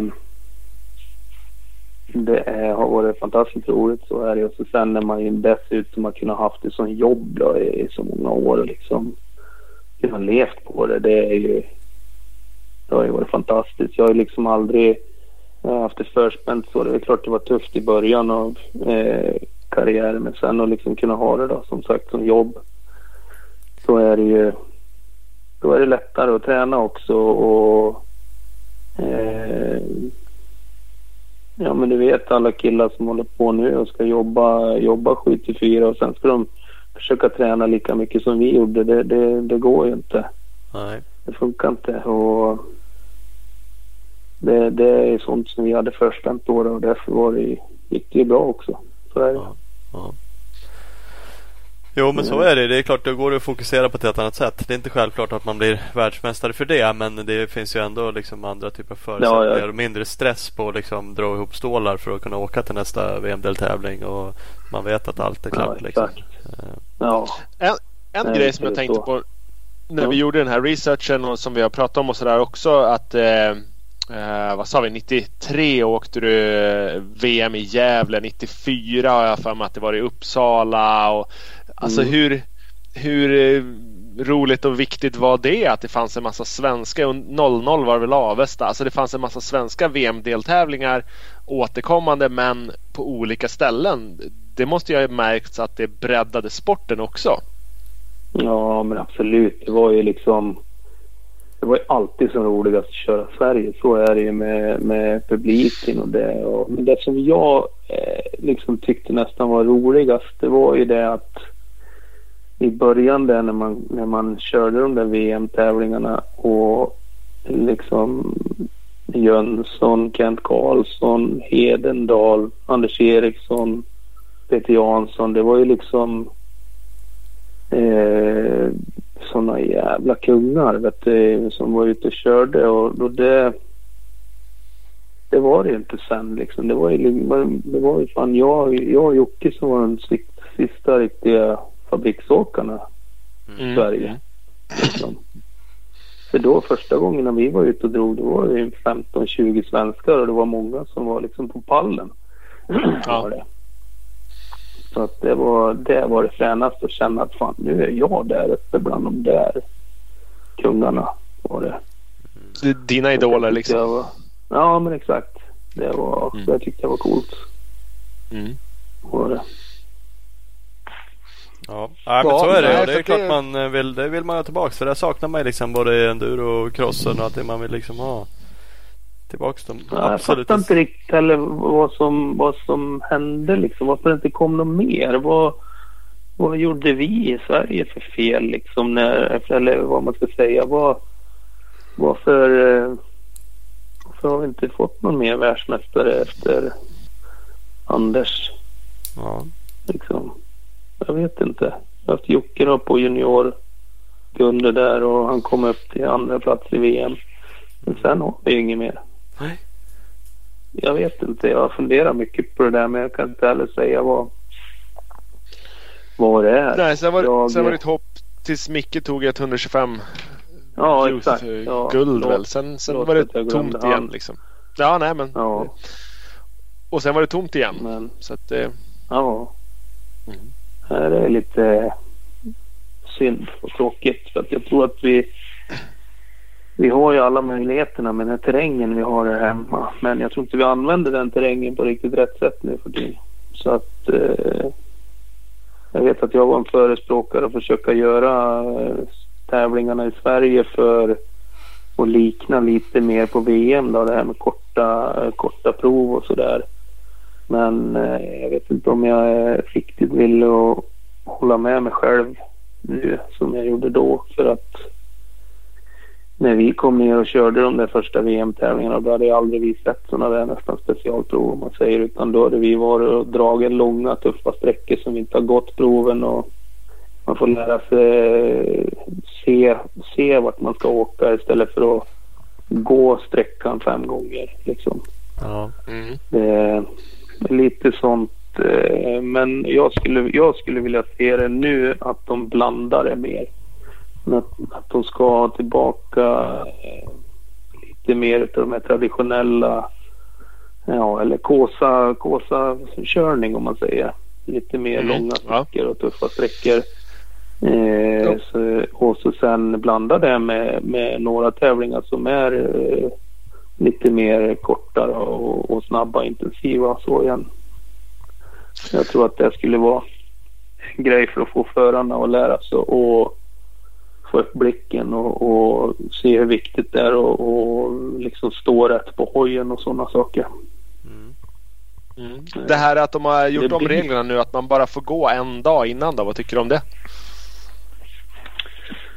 Ja, det är väl bra tycker jag med, med tanke på att eh, alla har inte möjligheten att vara där så tidigt heller. Och så sen så tycker jag att det är... Eh, Eh, jag kommer ihåg de sista åren jag åkte SM. Vad fan, de är där på tisdagen och börjar klampa och greja och det är liksom... Man ser upptrampade spår överallt i skogen och liksom jaha, ska de åka där ungefär tänker man så att... Eh, nej, det blir för mycket eh, utav utav det och lägga till stenar och böja undan buskar och jag ska köpa på den där sidan av trädet istället för på den där sidan och så. Så att jag tycker nog att det är helt rätt faktiskt att de har eh, gjort det sådär. Jag tycker att eh, är det någon som eh, gnäller över att det blir farligt så vet de liksom inte vad de eh, det, det är liksom det, det är farligt om man kör över sin förmåga. Så är det. Det är inte farligt om man, om man lyfter på blicken och kör som man ska. Tycker jag. Så att jag tycker det är helt rätt. Mm. Mm. Sen är det bra det istället att Jocke kommer in som en sån där supervisor och kollar då banorna istället. Vad, om det är eh, farligt eller för svårt någonstans eller vart det kan bli för djupt i något kärr eller några sådana saker. Så det tycker jag också är bra att de, har, de försöker göra någonting och det, det, det är bra. Jo, men man har ju gjort en förändring nu och ändå gjort det rätt så seriöst eftersom man tar in Jocke som sagt. Så att det, är, Ja. det är väl ett bra försök. Man måste ju våga testa lite grejer också. Och det är som du säger, man kanske Absolut. ibland skulle våga testa formatet lite mer och kunna mixa upp det även under en SM-serie kanske det ska finnas då. Ja, men det tycker Kåsa jag. tävling och körde, de inte, split. körde de inte ett SM i fjol i i Enköping som var lite mer den gamla traditionella? Jo, precis. Mm.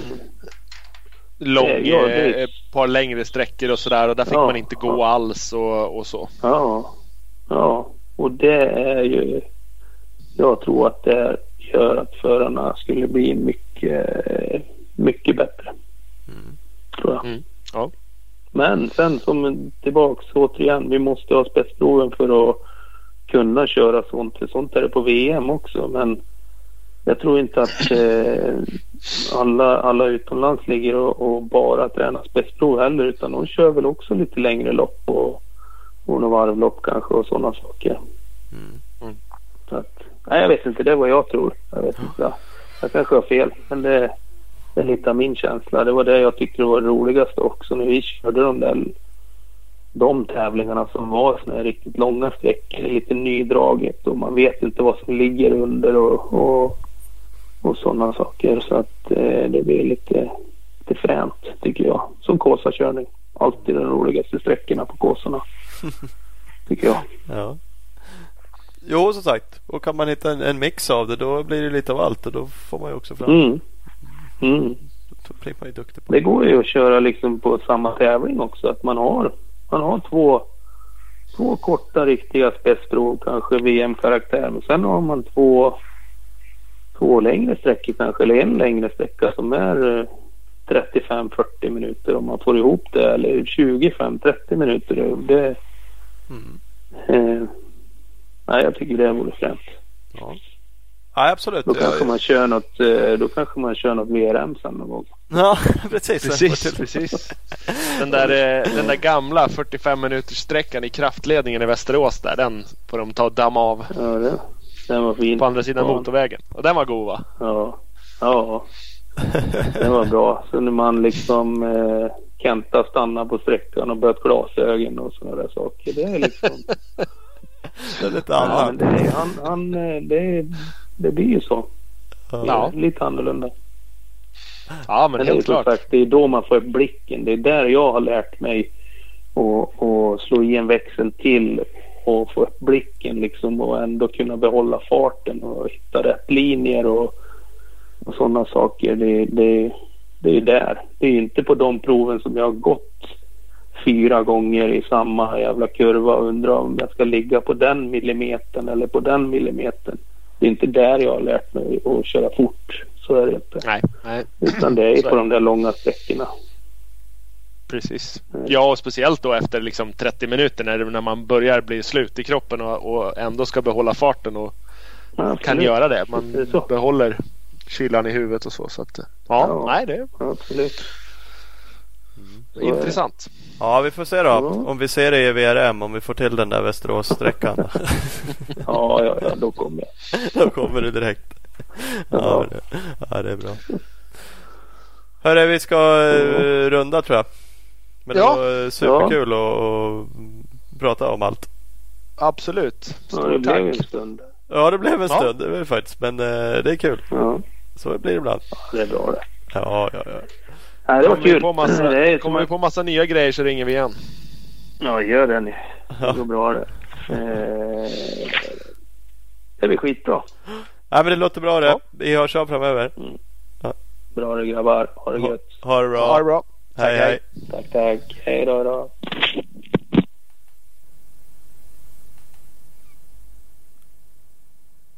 Ja, Ola, där har vi Björne Stjernsten. Jajamän. Uh, här, härligt tugg. Långt. Mysigt. Ja, väl, mycket att ta in. Ja, det blir Han det är ju. sjuk koll. Ja, det får man göra Jävligt faktiskt. koll. Vi eh, hade kunnat beta av några år till där i mer detalj också. Eh, Absolut, absolut. Det hade kunnat dra på en, en och en halv timme till. som man nämnde i förbifarten bara. Äh, men jag har ju tagit några SM-guld också. Precis. Det gick, vi- det inte in så mycket på men det var så här tre, tre, fyra stycken. eller Nej, något. precis. Ja. Precis. Så Ja. är det. Kul. Nej, Hörru, eh, nu, nu har ni fått något att lyssna på. mm, ja, så är det ju verkligen. Så är det verkligen. Eh, ska vi tacka våra partners? Verkligen, det ska vi absolut göra. Vi har ju Big Balls MX, den eh, magiska butiken i Växjö. Eh, dit ska man åka och köpa eh, motorcyklar. Eh, kolla in bigballsmx.com och följ dem i sociala medier. Jajamän.